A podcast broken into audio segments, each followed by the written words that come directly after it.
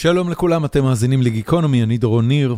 הפרק שלנו היום יצא שלא במתכוון, כמעט פרק משלים לפרק שראם הקליט לפני מספר ימים עם מנכ"ל פורום קהלת. לא ידעתי שזה יצא ככה, אבל בעקבות המלצה של המאזין היקר שלנו, שלום ווליך, הזמנתי את תמיר פוקס, שאני מכיר אותו כבר הרבה שנים, היינו ביחד בליכודניקים החדשים, ורציתי לשמוע ממנו בתור דוקטור למשפטים, בתור מישהו שחוקר את הנושא בשבטו במכון הישראלי לדמוקרטיה, איך הרפורמה או ההפיכה השלטונית, תלוי מאיזה צד אתם מסתכלים על זה, איך היא נראית בעיניים של משפטן ושל חוקר דמוקרטיות שמכיר איך הדברים האלה נראים במדינות אחרות. השיחה היא כמעט תמונת ראי למה שאני לפחות שמעתי בפרק עם מנכ"ל פורום קהלת, והיא מאוד מדאיגה ובו זמנית גם מעוררת אופטימיות, כי את הכל עוד אפשר לשנות והמאבק על תמונתה של מדינת ישראל עוד נמצא בעיצומו. בסיום הפרק, כרגיל, חפירה אישית שלי, אתם מוזמנים להישאר אחרי אות הסיום. בינתיים שתהיה לכם האזנה נעימה, פרק 689 עם דוקטור אמיר פוקס.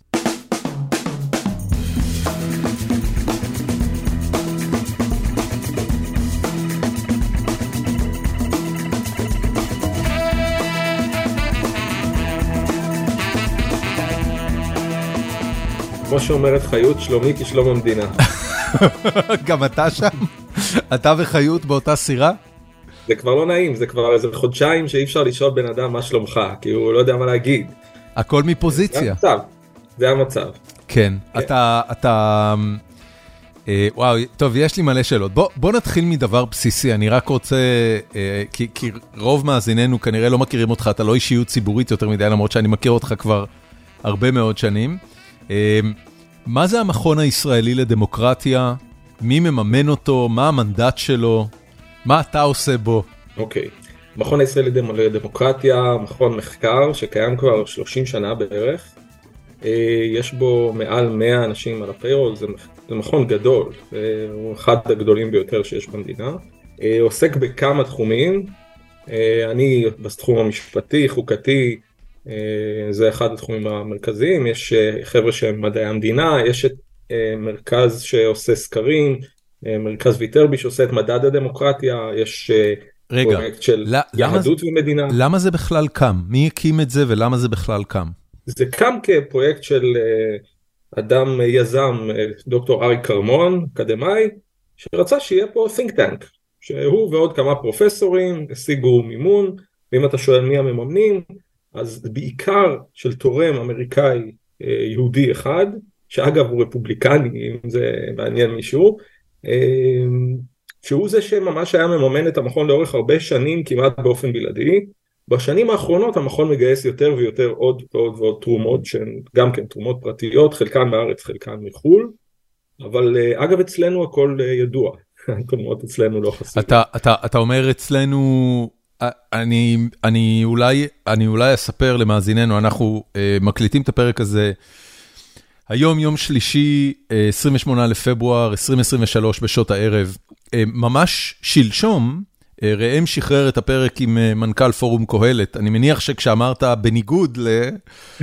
אתה מתייחס לפורום קהלת. בפורום קהלת, לא, אתה, אנחנו לא יודעים מי מממן? לא. אוקיי, יש לך השערה מי מממן? כן, אבל אני כמובן לא, לא של אנשים ספציפיים, אבל יש השערות, אבל בשביל מה שלא ניכנס.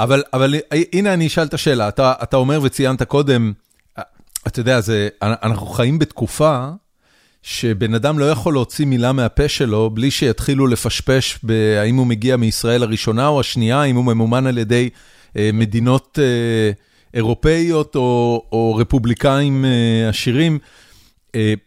במובן הזה, זה משנה בעיניך מי מממן את מכון קהלת? זאת אומרת, האג'נדה למשל לא. של, המ, של המממנים של uh, uh, המכון הישראלי לדמוקרטיה משפיעה עליך באיזה באיזושהי צורה? לא, מה שחשוב, אני חושב זה כן חשוב, העניין של שקיפות הוא כן חשוב. אבל אני לא חושב שאיזושהי תרומה היא לא לגיטימית, זאת אומרת, בוודאי שבעיניי למשל כל המכונים האגודה לזכויות האזרח או התנועה לאיכות השלטון, כל, ה, כל המקומות שלפעמים אותם תוקפים כי הם מקבלים אה, מ, או ממדינות או מהאו"ם או מכל מיני אה, קרנות מדינותיות וכאלה, אני לא חושב שיש בזה משהו אה, בעייתי בכלל. כשהיו בזמנו הצעות חוק אה, בתקופת איילת שקד וכולי שבאו לתקוף את העמותות שמקבלות מימון מדינתי זר ורצו להציג אותן כשתולים וכסוכנים זרים ודברים כאלה אנחנו מאוד מאוד נלחמנו בזה למרות שזה לא היה רלוונטי. נכון, אני זוכר ש... אני עדיין חושב שגם תרומות פרטיות כדאי להגיד מאיפה, אני חושב ששקיפות זה דבר שהוא מועיל. אוקיי, ויש חובת שקיפות על, על גופים כאלה כמו המכון הישראלי לדמוקרטיה, פורום קהלת וכולי? בעיקרון כן, אבל יש אפשרות לחסות תרומות פרטיות בתנאים מסוימים. אבל ככל שיש, ככל שהתרומה היא ממדינות, אז כן היא חייבת להיות אה, שקופה לחלוטין, וגם יש דיווח מיוחד על תרומות ממדינות, אבל אה, בעיקרון אני חושב שנכון היה אה, שתהיה שקיפות על תרומות. עכשיו, לא עניתי לך עדיין לגבי מה אני עושה במכון. כן. אני עובד כבר קצת לא נעים להודות, כבר עוד מעט כבר 18-19 שנים אני עובד במכון. אני דוקטור משפטים, והתחום שאני, אני בכלל באתי ממשפט פלילי. אוקיי, גם, רצית להיות פליליסט? בהתחלה, כן, אני עשיתי התמחות בפרקליטות המדינה, בפלילי, אבל עד שסיימתי את שנת ההתמחות הבנתי כבר שאני לא רוצה לעסוק בפרקטיקה, זאת אומרת, הרבה יותר המשכתי לכיוון האקדמיה, ולכן הלכתי לעשות דוקטורט. עשיתי דוקטורט על גרימת מוות בתאונת דרכים בהיבט הפלילי. על הפער בין אה, גרימת מוות ברשלנות והריגה וכולי. ואז הלכתי לעבוד ככה מהצד, אה, בתור, אה, תוך כדי שאני עושה את התואר השני ואת, ה, ואת הדוקטורט במכון לדמוקרטיה, אצל פרופסור קרמניצר, ושם התעסקתי בפלילי, בשחיתות, בטרור ודמוקרטיה, אבל מהר מאוד החיבור בינינו היה כל כך טוב, ואני מאוד אהבתי את העבודה במכון, שזה הפך להיות הדבר העיקרי, התחלתי לעבוד שם ב-100% משרה, ו... הדוקטורט הפך להיות משהו שהמשכתי איתו, אבל לא הלכתי לאקדמיה. סיימת את הדוקטורט? כן, כן. בשעה טובה. אני, אני, אני, אתה יודע, הדבר הראשון שחשבתי עליו, אני לקח לי שבע שנים לסיים את התואר הראשון שלי, נתקעתי עם הסמידריון האחרון לנצח, וזה ממש חרב את הבריאות של ההורים שלי, הם במשך שבע שנים היו צריכים לשקר לחברים שלהם שהילד שלהם אקדמאי, בעוד שלא הייתי באמת וכולי. זה היה נורא. בגלל זה שאלתי אם סיימת את הדוקטורט, סתם מתוך סקרנות, כי הנושא של הדוקטורט אה, פתאום נשמע לי נורא מעניין, מה, על איך נראה דוקטורט במשפטים? אני יכול להבין איך נראה דוקטורט במדעים מדויקים אה, ובמדעי החיים, אבל כן. זה בדרך כלל איזשהו מחקר שמצליח מצד אחד לזכור את כל הספרות הקיימת, לזכור את הפסיקה הקיימת בנושא מסוים, לעשות משפט השוואתי, להראות איך זה קורה, מה קורה באנגליה, מה קורה בארצות הברית, מה קורה בקנדה, כל מיני מקומות כאלה, ובדרך כלל גם להמליץ. אצלי הייתה שם גם המלצה על תיקונים, אה, לשים אה, עבירת ביניים בין גרימת מוות הרשלנות להריגה. בסופו של דבר, אגב, אה, עוד דבר שעשיתי במסגרת המכון אחר כך, היה שהייתי חלק מהוועדה שתיקנה את עבירת הרצח, מה שנקרא רפורמה בעבירות ההמתה.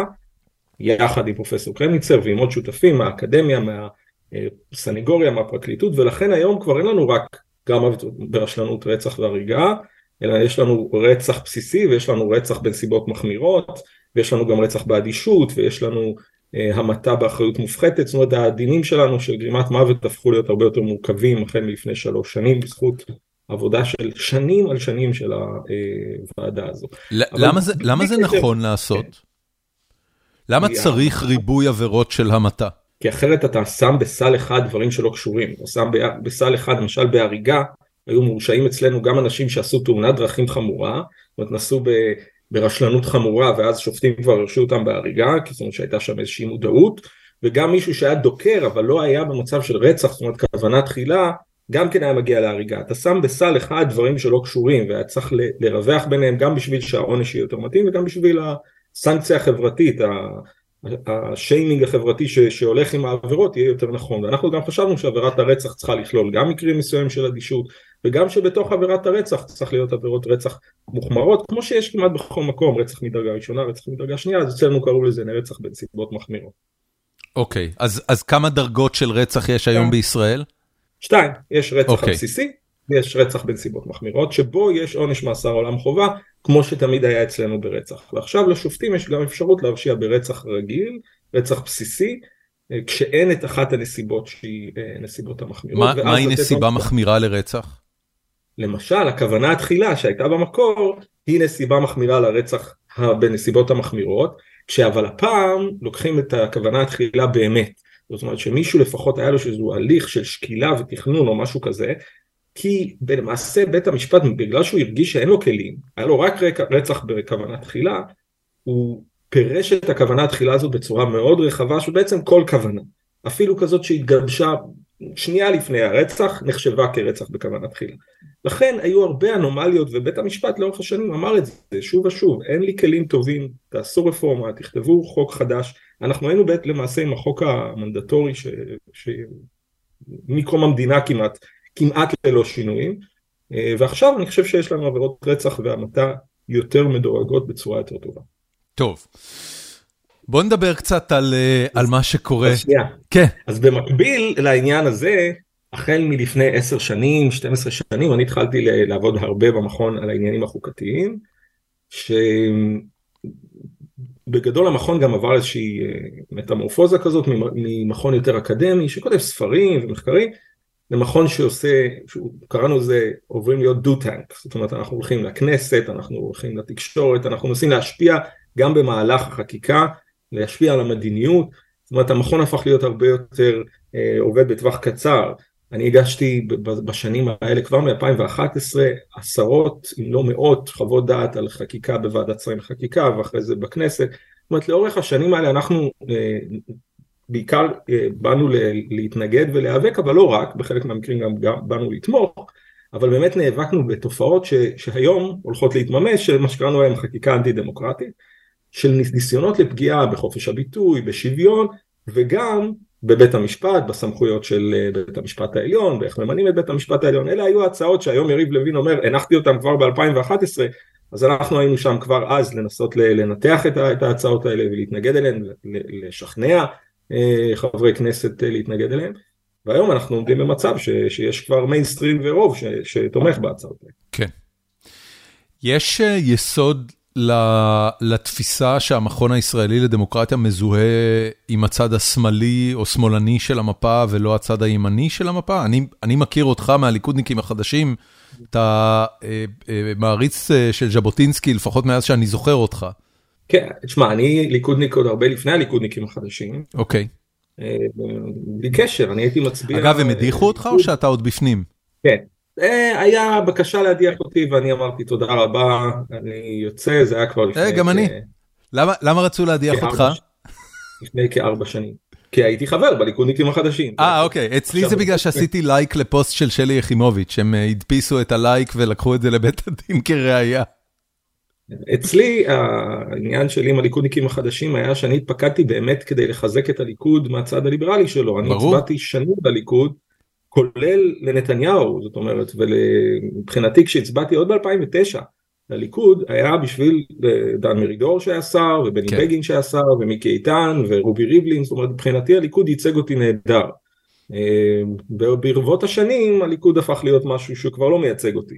אבל אני עדיין רואה את עצמי אה, ליברל וימין ליברלי ז'בוטינסקאי כמו שהייתי. יש היום. עכשיו אתה שואל על המכון, לא כן. עניתי. אה, יש בו דעות שונות, אבל אני לגמרי לא טוען שהוא אובייקטיבי מהאו"ם.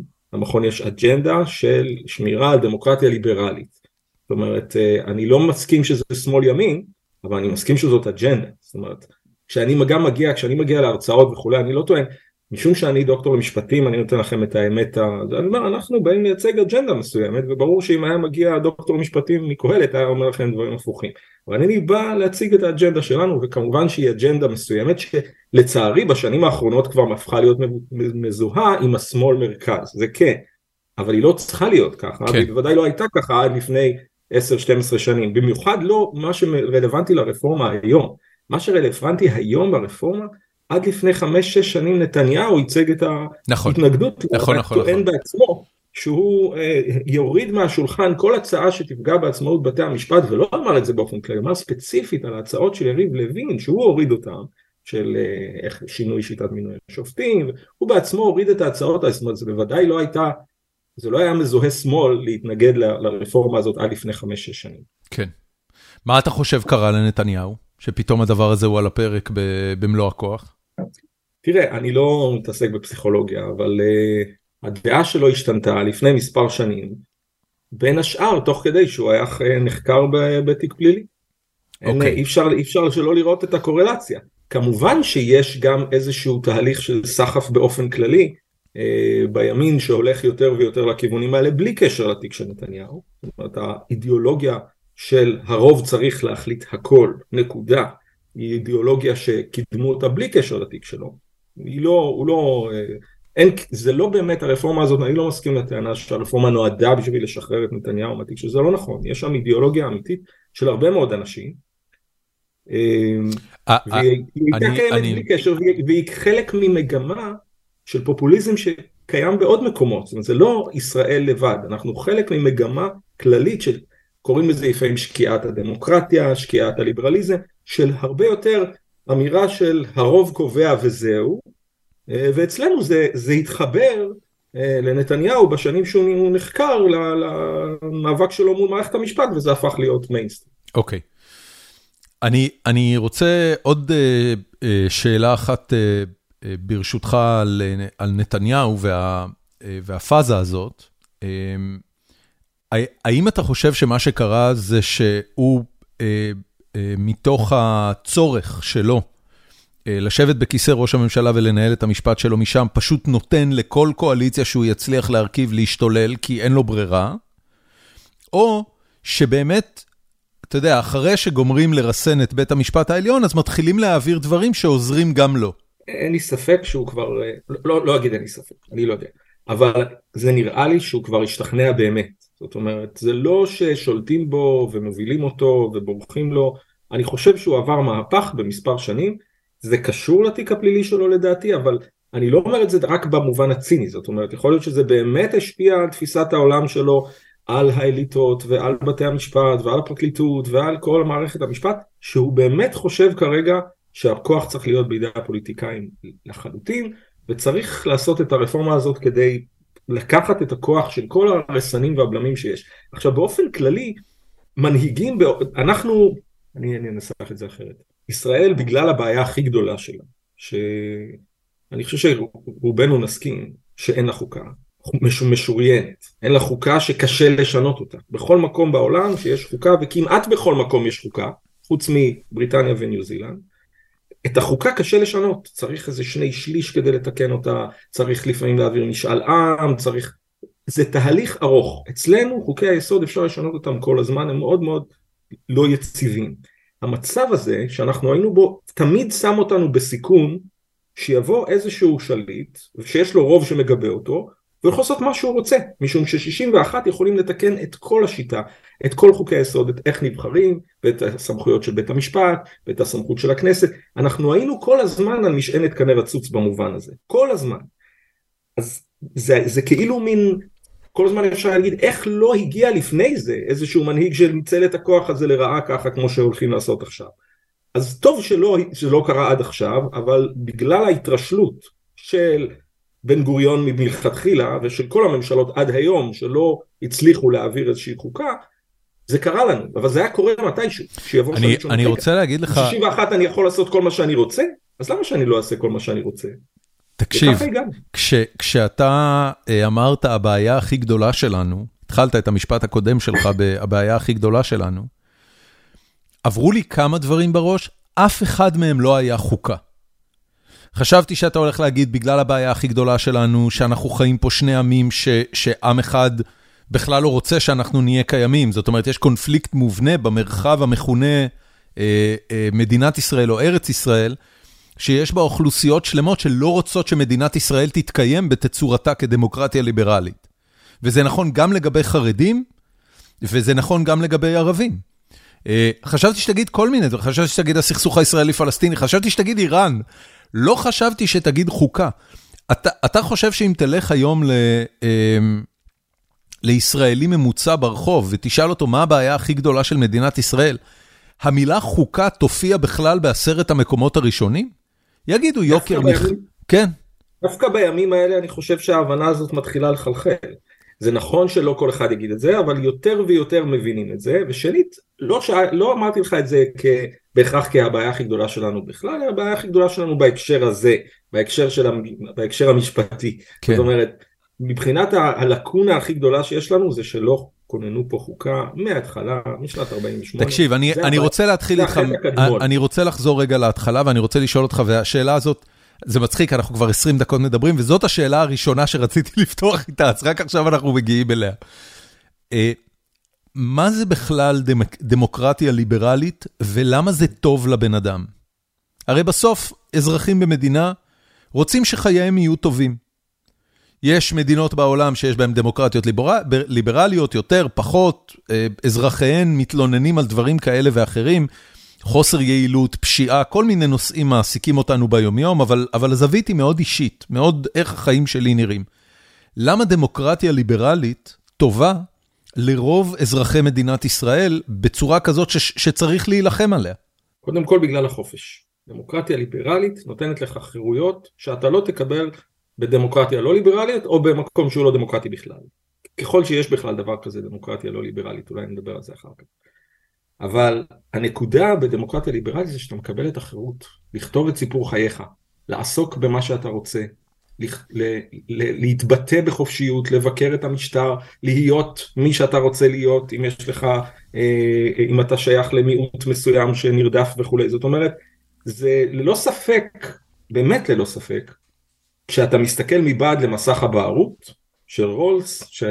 שאומר כאילו אם אתה לא יודע מי אתה, אם אתה לא יודע איזה קלפים תחלק, כולנו היינו בוחרים לבחור בדמ... לחיות בדמוקרטיה ליברלית. ייתכן שאם אנחנו יודעים מי אנחנו, שאנחנו הרוב, החזק וכולי, אז לא אכפת לנו להיות במקום שהוא לא ליברל, כי אנחנו הרוב, השליט.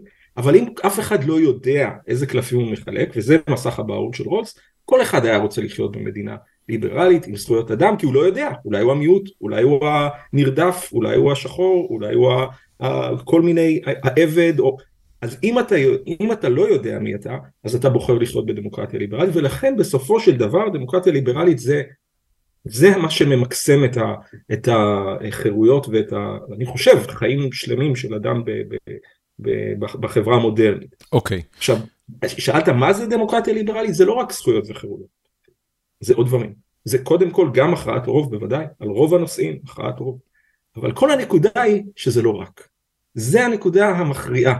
ובסופו של דבר, אני, אם אתה שואל אותי מה עוד, אז אמרתי, הגנה מסוימת, הגנה אפקטיבית על חירויות וזכויות של פרטים ושל מיעוטים, וגם שלטון חוק והפרדת רשויות. זה בדרך כלל איך שחוקר מדעי המדינה מהמיינסטרים יגדיר לך דמוקרטיה ואפילו אפילו לא בהכרח אם תשאל אותו על דמוקרטיה ליברלית הוא יגיד לך שזה דמוקרטיה אבל אגב סתם סתם מבחינת ידע היסטורי הדמוקרטיה הרי אה, היא שיטת אה, שלטון שמקורה ביוון העתיקה לפחות עד כמה שאני יודע את ההיסטוריה. אבל, אבל זה לא, כן, הדמוקרטיה זה לא של יוון העתיקה לא כללה אה, זכויות לא. למיעוטים.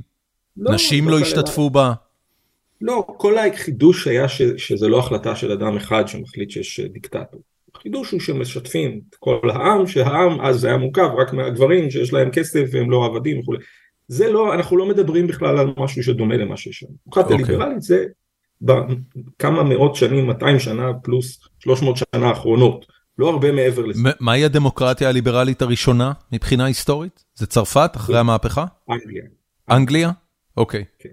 אפשר, כמובן... שהיא הייתה מלוכה, זאת אומרת היא הפכה לדמוקרטיה ליברלית. כן, אבל התהליך של אנגליה, אני חושב, קודם כל אני לא היסטוריון של דמוקרטיה, אבל אוקיי. בגדול אני חושב שהתהליך שאנגליה עברה, שנתן יותר ויותר כוח לפרלמנט, אפילו שנשאר המלך, זה היה שם תהליך הדרגתי, והמגנה קרטה של זכויות אדם וכולי, זאת אומרת היה שם תהליך של זכויות אה, שאני חושב שהוא קודם לצרפת, אבל אתה צודק שהיה שם גם את המהפכה הצרפתית, גם את אנגליה וגם את ארה"ב שהם בעצם אה, משולש כזה של אה, מדינות שהם הדגמים שונים אבל דומים של דמוקרטיה. עכשיו אתה, אם, אם אני אה, חוזר לתפיסה שלי, שאלת אותי מה זה דמוקרטיה. אני מסכים איתך שזו השאלה הראשונה שצריך לשאול. כי בסוף אם אתה תשאל כל אדם ברחוב מהי דמוקרטיה, אתה תדע מה הוא חושב על הרפורמה. מי שיגיד לך דמוקרטיה זה שלטון הרוב, הוא יתמוך ברפורמה. נכון. מי שיגיד לך דמוקרטיה זה אה, הגנה על זכויות והפרדת רשויות וכו', הוא מתנגד. המיינסטרים בעבר היה, אם היית פותח ספרי אזרחות וזה היה ברור לך שדמוקרטיה היא לא רק שלטון הרוב, אבל כן, יש גישה שהולכת ומתחזקת לצערי, אנחנו לא מצליחים לבלום את, ה, את ההתקדמות שלה, גם בעולם וגם בישראל, יותר ויותר אנשים מאמינים שדמוקרטיה היא שלטון הרוב נקודה.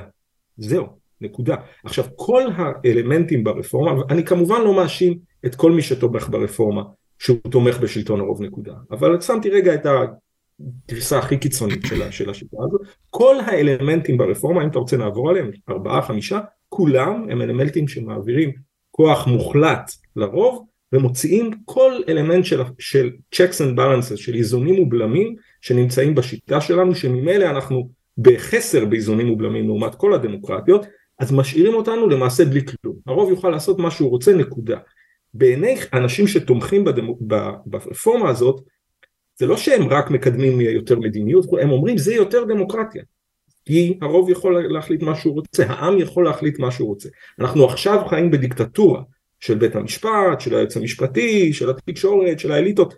אנחנו רוצים שהרוב, גם אם זה רוב של 51 אחוז, יוכל לעשות כל מה שהוא רוצה, נקודה. אוקיי. Okay. אה, אני, אני רוצה לשאול שאלה רק, רק ברמת ידע. הרי אה, בסופו של דבר הדיון על, אה, על דמוקרטיה ליברלית, כן או לא, איזונים ובלמים, כוח לבתי המשפט מול, מול כוח לפרלמנט, הוא דיון אה, על כלים, ולא על מטרה. כי בסוף, אחרי שמעבירים את כל הרפורמות האלה, מעבירים אותן כדי שיוכלו לעשות משהו. ואז נשאלת השאלה, האם אנחנו יודעים היום, לגבי אה, יריב לוין, שמחה רוטמן, נתניהו בעצמו, מרגע שהרפורמות האלה עוברות, ועכשיו אה, אה, ישראל חזרה להיות דמוקרטיה אה, של שלטון הרוב, מה רוצים להעביר? זאת אומרת, מה בא מיד אחר כך? קודם כל החוקים שנפסלו בבג"ץ, אז אתה יכול לדעת בוודאות. מה, חוק, הג... חוק הגיוס?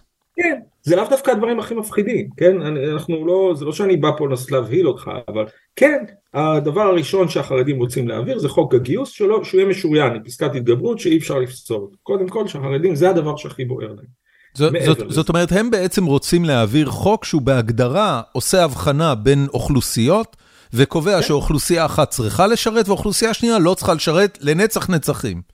לא בצורה, לא במילים האלה, אלא הוא קובע מכסות מאוד קטנות וכולי, אבל כן, למעשה קובע פטור לרוב החרדים, כן. אוקיי. זה, זה הדבר הראשון שהם ירצו להעביר. אוקיי. מעבר לזה, דברים אחרים שאנחנו יודעים, זה עוד דברים, פשוט נסתכל על הדברים שבית המשפט העליון פסל לאחרונה.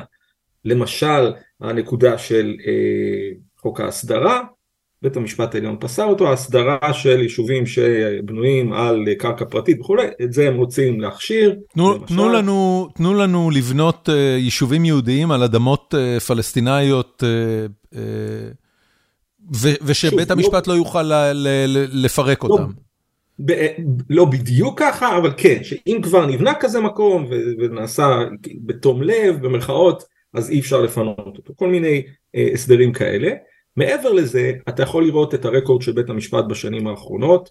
הרבה, הרבה אומרים את המספר הזה של ה-22 אה, פסילות שהיו מאז 92, מאז, או מאז כן. 95, מאז בג"ץ בנק המזרחי. צריך לשים לב שבית המשפט שם הרבה ז'יטונים, וזה ארבע פעמים מתוך ה-22 האלה, זה חוקים שעסקו ב... איך שנקרא להם, מסתננים או מבקשי מקלט. ארבעה חוקים שונים או סעיפים בחוקים שונים נפסלו באמצעים שונים שהופעלו כנגדם בוודאות הם יחוקקו מחדש עם פסקת ההתגברות לא יודע אם כולם לא יודע בדיוק אותם אמצעים אבל יחוקקו אמצעים. אני אוהב אני דווקא מת, מתמקד בחוקים האלה כי הם זה באמת פסילות שבית המשפט עשה למרות שהוא ידע שזה מאוד לא פופולרי וגם הרבה פעמים מאשימים את בית המשפט ובמידה מסוימת בצדק שהוא לא מגן על החלשים והוא לא הגן על השכבות החלשות והוא שים לב שפה כן בית המשפט שם ארבע פסילות שזה קרדיט שהוא כל שימוש כזה זה קרדיט שהוא משתמש בו על האוכלוסייה הכי חלשה שאין לה בכלל ייצוג בכנסת ואין ספק שהיא מבחינה סוציו-אקונומית הכי חלשה הכי הכי חלשה עליה הוא שם ובבחינה הזאת אני מכבד את בית המשפט שהוא עשה את זה למרות שזה הקים עליו המון ביקורת והיה ברור שזה יקים עליו המון ביקורת אבל הם עשו את זה כי הם חשבו שהם מגנים שם על אוכלוסייה מאוד מאוד חלשה. אז אם אתה שואל עוד דברים שהם יעשו זה מה שהם יעשו. ועוד דבר עוד עולם שלם של דברים זה כמובן עולם הדת ומדינה. בית המשפט אחד התחומים שהוא היה מאוד אקטיביסטי בהם בין אם בפסילת חוקים, שזה לא קרה הרבה אבל זה קרה, ובין אם בהחלטות מנהליות ש... כשבית המשפט פוסל החלטה מנהלית, למשל החלטה של שר וכולי, ואומר שהיא חורגת, שהיא פוגעת בחופש דת, חופש מדת וכולי, הרבה פעמים לא מחוקקים אותה, כי יודעים שממילא החוק הזה ייפסל. אז במקרה הזה, ברור שברגע שיוסר האיום שבית המשפט יפסול חוקים, יהיה יותר כפייה דתית. עד כמה יותר אני לא יודע. כי עדיין, אני גם, למרות שאני בא מכיוון שאומר לא יהיו איזונים ובלמים וכולי, עדיין איזון אחד יהיה, שיהיו בחירות. זאת אומרת, עדיין הם ידעו שצריך לא יותר מדי להכעיס את הציבור. אומרת, במובן אחד כן, אז, אז אני לא יודע כמה רחוק הם ייקחו את זה, אבל לפחות לפי ההסכמים הקואליציוניים הם ילכו רחוק מאוד. אתה, אתה חושב ש... אתה יודע, הרי אחד העניינים... שמע, קודם כל, אה, תודה רבה על השיחה הזאת, כי היא שפויה ולא מתלהמת, וזה נדיר לייצר שיח שפוי ולא מתלהם אה, בימים אלה. אז אני, אני מאוד מעריך את זה, אבל אני, אני אשאל את השאלה הבאה, הרי חלק גדול מאוד ממה שקורה כרגע בתקשורת הישראלית, זה בכלל עניין של מיצוב, של framing, שבו צד אחד אומר, אנחנו אה, מבצעים פה אה, תיקון למשהו שקרה לפני 15 שנה וגזל מהפרלמנט והעם את יכולת הכרעת הרוב שלו בשלל נושאים, שפגעו בכם בצורות כאלה ואחרות לאורך ה-20 שנה האחרונות. הצד השני אומר, זהו קץ הדמוקרטיה. עכשיו, זה, זה שיח חרשים, כי אם בן אדם אחד צורח גוואלד והבן אדם השני אומר, רגע, אני רוצה לשפר את המצב, אין באמת דרך לנהל שיח. עד כמה יש בסיס בכלל יש. לטענת קץ הדמוקרטיה? יש, יש בסיס חזק מאוד. אתה שאלת אותי מה יהיו החוקים הראשונים שיעברו. כן. אז אמרתי לך, ואמרתי גם שהם לא ישמעו לך אולי בהכרח כל כך מעניינים. אבל עוד לא הגענו... אני, אני מזועזע מכל אחד מהם אגב, אבל אני, אבל, אבל אני, כן. אני, אני לא חי היום בארץ, אז אבל, אני אומר, אוקיי, זו צרה מאוד גדולה. תן לי רגע להסביר את טענת קץ הדמוקרטיה. ושוב פעם, הכל השאלה של איך מגדירים דמוקרטיה. אבל בכל זאת, אני רוצה להיכנס לזה אה, מה, מהכיוון הזה. אנחנו ממילא במצב של גירעון מבחינת הגנה על זכויות ומבחינת איזונים ובלמים. as is, גם ללא הרפורמה. למה? כי אין לנו חוקה משוריינת ולכן מתעללים בחוקי היסוד שלנו כל שבועיים וכל שנה וכל כמה שרוצים. אין לנו שני בתי פרלמנט, אם אתה מכיר מהרבה פרלמנטים הם מחולקים לבית עליון, בית תחתון, לכן יש איזשהו ריסון, איזון על הכוח של הרוב. אנחנו ממילא במצב שאין הפרדת רשויות בין הרשות המבצעת והרשות המחוקקת, זאת אומרת הרשות המבצעת שולטת, יש לה רוב אוטומטי בכנסת. זה נכון שזה ככה בכל יש מקומות, כן, זה, ניסיתי להבין אם נכון, יש, יש מקום שבו זה לא ככה? ודאי, נגיד בארצות הברית זה לא ככה, אתה, אתה מצביע על הנשיא והוא לא כפוף לרוב בכנסת, והוא אין לו בכ... בפרלמנט, בבית המחוקקים, והוא לא בהכרח יש לו בכלל רוב שם, לפעמים יש נשיא דמוקרטי, פרלמנט רפובליקני. הבנתי, וה... והממשלה היא ממשלה שלו, זאת אומרת הוא ממנה את הממשלה בוודאי. ולכן... זאת הפרדה אמיתית, יש הרבה מדינות במודל כזה, מודל נשיאותי, שיש הפרדה מוחלטת, ואגב המזכירים, הקבינט, הם לא יכולים להיות חברי פרלמנט, יש הפרדה. אז כבר מעצם ההפרדה הזאת, וזה הרבה הרבה כתוב על זה בפדרליסט שהם הקימו את הברית, כמה חשובה ההפרדה הזאת. אז אצלנו אין אותה, צריך לומר, בעוד מדינות אין אותה. בכל מדינה שיש בה שיטה פרלמנטרית אין אותה, אבל יש איזונים ובלמים אחרים. למשל, כמו שאמרתי, חוקה משוריינת, למשל, אה, פרלמנט שמחולק לשני בתים, עוד דבר, זה שאנחנו בניגוד לאירופאים, כל המדינות באירופה כפופות לבית הדין האירופי לזכויות אדם. כולל בריטניה שאין לה חוקה, כל אזרח בריטי יכול לפנות לבית הדין האירופי לזכויות אדם ולקבל סעד כנגד מדינת בריטניה והיא תכבד אותו. את זה אין לנו, אנחנו לא כפופים לשום מדינה כזאת. וגם עוד דבר שלא חושבים עליו הרבה אצלנו, וגם קצת קשה להסביר אותו ואני אנסה, זה שבגלל שאנחנו חיים במדינה שיש בה מחוז אחד, זה, וזה לא מובן מאליו, נכון? אנחנו אומרים, אה, ah, אנחנו בטח כמו איזה מחוז ב... באיזה מדינה, לא, אנחנו כבר תשעה ומשהו מיליון, זו מדינה גדולה. יותר גדולה מאוסטריה. הרבה, זו מדינה ממוצעת באירופה, וזו אחת המדינות הגדולות אם תבדוק לעומת מדינות בתוך ארצות הברית. זאת אומרת זה בין הטופ 12 או 14 מבחינת נכון, תושבים. נכון, נכון. עכשיו, בשום מקום כמעט, חוץ מאיזושהי דוגמה אחת, אין בחירות של מחוז אחד. זאת אומרת שאתה מצביע בפתק אחד ואתה לא מצביע לאדם אלא לרשימה, ואז בעצם כל האנשים במפלגה, למה הם מחויבים? למנהיג שלהם ולרשימה הקואליציונית שלו ולמשמעת הקואליציונית. הם לא מחויבים לבוחרים שבחרו אותם מהמחוז המסוים, ואין להם אינטרסים שונים, למשל, זה לא אותו דבר הרפובליקנים מטקסס והרפובליקנים מאלסקה. יש להם לפעמים אינטרסים שונים ולכן זה לא שאם יש לך רוב של 51% בפרלמנט בארצות הברית אז גמרנו יש לך רוב אוטומטי לכל ההצעות שלך אתה כל פעם צריך לגייס קואליצ... קואליציות וכולי זאת אומרת גם שם אצלנו הרוב ברגע שהוא נבחר יש לו כוח לרוב הריכוזי הקואליציה בסוף היא נשלטת בידי מספר קטן של אנשים שמנהיגים את הקואליציה ולראש הממשלה יש כוח מאוד גדול אז אצלנו היה איזון אחד בית המשפט העליון ובמידה מסוימת היועץ המשפטי לממשלה. את שני הגורמים האלה רוצים להוציא. לקחת מבית המשפט העליון את הכוח לבטל חוק במובן הזה שרוצים שיהיה רוב מאוד גדול כדי לבטל חוק ואז ברוב קטן של 61 אפשר להתגבר עליו זה פסקת ההתגברות. ו- 61 הוא באמת כזה רוב 61 הוא רוב מוחלט רוב החוקים כולל אם אני לא טועה חוקי יסוד עברו בישראל על רוב שהוא נמוך מזה לא? אבל עדיין היה בהם רוב אתה מתכוון ש... לא היו צריכים להביא את כל הכנסת כדי להצביע בין 61-59, אבל אני אשאל אותך רגע, נניח שאתה שומע על חוק שעבר, כמו שאתה אומר, כאילו ברוב יותר קטן, הצביעו בעדו... 40, 40 מול 30. זה נראה לך יותר חלש מאשר 61 מול 59? אני לא מסכים איתך. דווקא החוק שעובר ב-40... אבל לא אומרים 61, לא, לא, לא, רגע, רגע, לא סליחה. לא. לא אומרים שמה שיעבור ב-61 מול 59, בדרך כלל כשיש 61... לא משנה מול מה. מול... 61. לא... כן.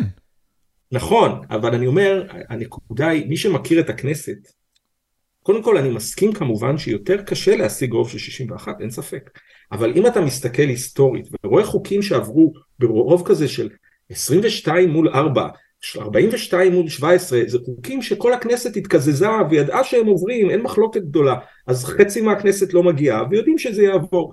החוקים שעוברים על חודו של כל זה דווקא החוקים שיש עליהם הכי מחלוקת וישבו לילה שלם עם פיליבסטר ובסוף זה עבר ומספיק שאחד היה עובר שהוא לא היה עובר. זאת אומרת זה יש פה עניין של הפרש גם. זאת אומרת תחשוב על אה, תוצאה בכדורגל מה יותר חזק 2-0 או 6-5 זה לא אומר שבהכרח זה שהיה לך 61 זה אומר שהחוק הזה מייצג קונצנזוס. לפעמים הפוך. שאלה כמה באמת הצביעו. כן. עכשיו בכל אופן הנקודה שממנה התחלנו הייתה ש... אה, מאיפה הגענו לזה? מ-61, בפסקת אה, ההתגברות כן. יספיקו ל-61, זה רוב שכל קואליציה ברגע שהיא תרצה, וזה יהיה כתוב בהסכם הקואליציוני, יהיה כתוב שם שהנושאים האלה והאלה, אם בית המשפט העליון יתערב בהם, אנחנו מביאים להם אה, אה, משמעת קואליציונית, ויהיה להם רוב של 61. זה רוב מינימלי שתמיד אפשר יהיה להשיג אותו, ואנחנו רואים שכשמנסים לתקן, למשל חוק יסוד הממשלה משוריין ב-61. כל פעם שמתקנים אותו וזה כבר עשרות פעמים בכמה שנים זאת אומרת מתקנים ומתקנים ומתקנים כל פעם שצריך להגדיל את מספר השרים להקטין את מספר השרים. לעזור לדרעי כי הוא uh, צריך uh, שיהיה כתוב שם מאסר בפועל ולא מאסר על תנאי מתקנים. אז פסקת ההתגברות ב-61 זה אומר כוח מוחלט לרוב. כן. זה דבר שאגב אין אותו בשום מקום חוץ מבקנדה ובגרסה הרבה יותר גרסה מאוד שונה בפינלנד, שם צריך חמש שישיות. אוקיי. אצלנו בכנסת צריך מאה. עוד, עוד שאלה... זה כוח מוחלט לרוב. עוד שאלה לגבי הנושא של מינוי שופטים. אה, כן. מצאתי את עצמי אה, שואל את זה כמה אנשים במהלך החודשיים האחרונים. אה, דווקא מתוך החיים שלי בארצות הברית, אני יודע שבישראל, בארצות הברית, פה איפה שאני נמצא בטקסס, ואני מניח שזה נכון לגבי כל ארצות הברית, הציבור ממנה את שופטיו. היו פה בחירות midterm בנובמבר, כל שנתיים האמריקאים יוצאים לבחירות, פעם זה midterms, פעם זה כולל גם אה, בחירות לנשיאות. אתה מצביע על המון דברים, מחברי מועצת ה school uh, district, uh, בתי, בתי הספר האזוריים, דרך שופטים ועד חברי פרלמנט, בית עליון, בית תחתון, ו, ופעם בארבע שנים גם נשיא.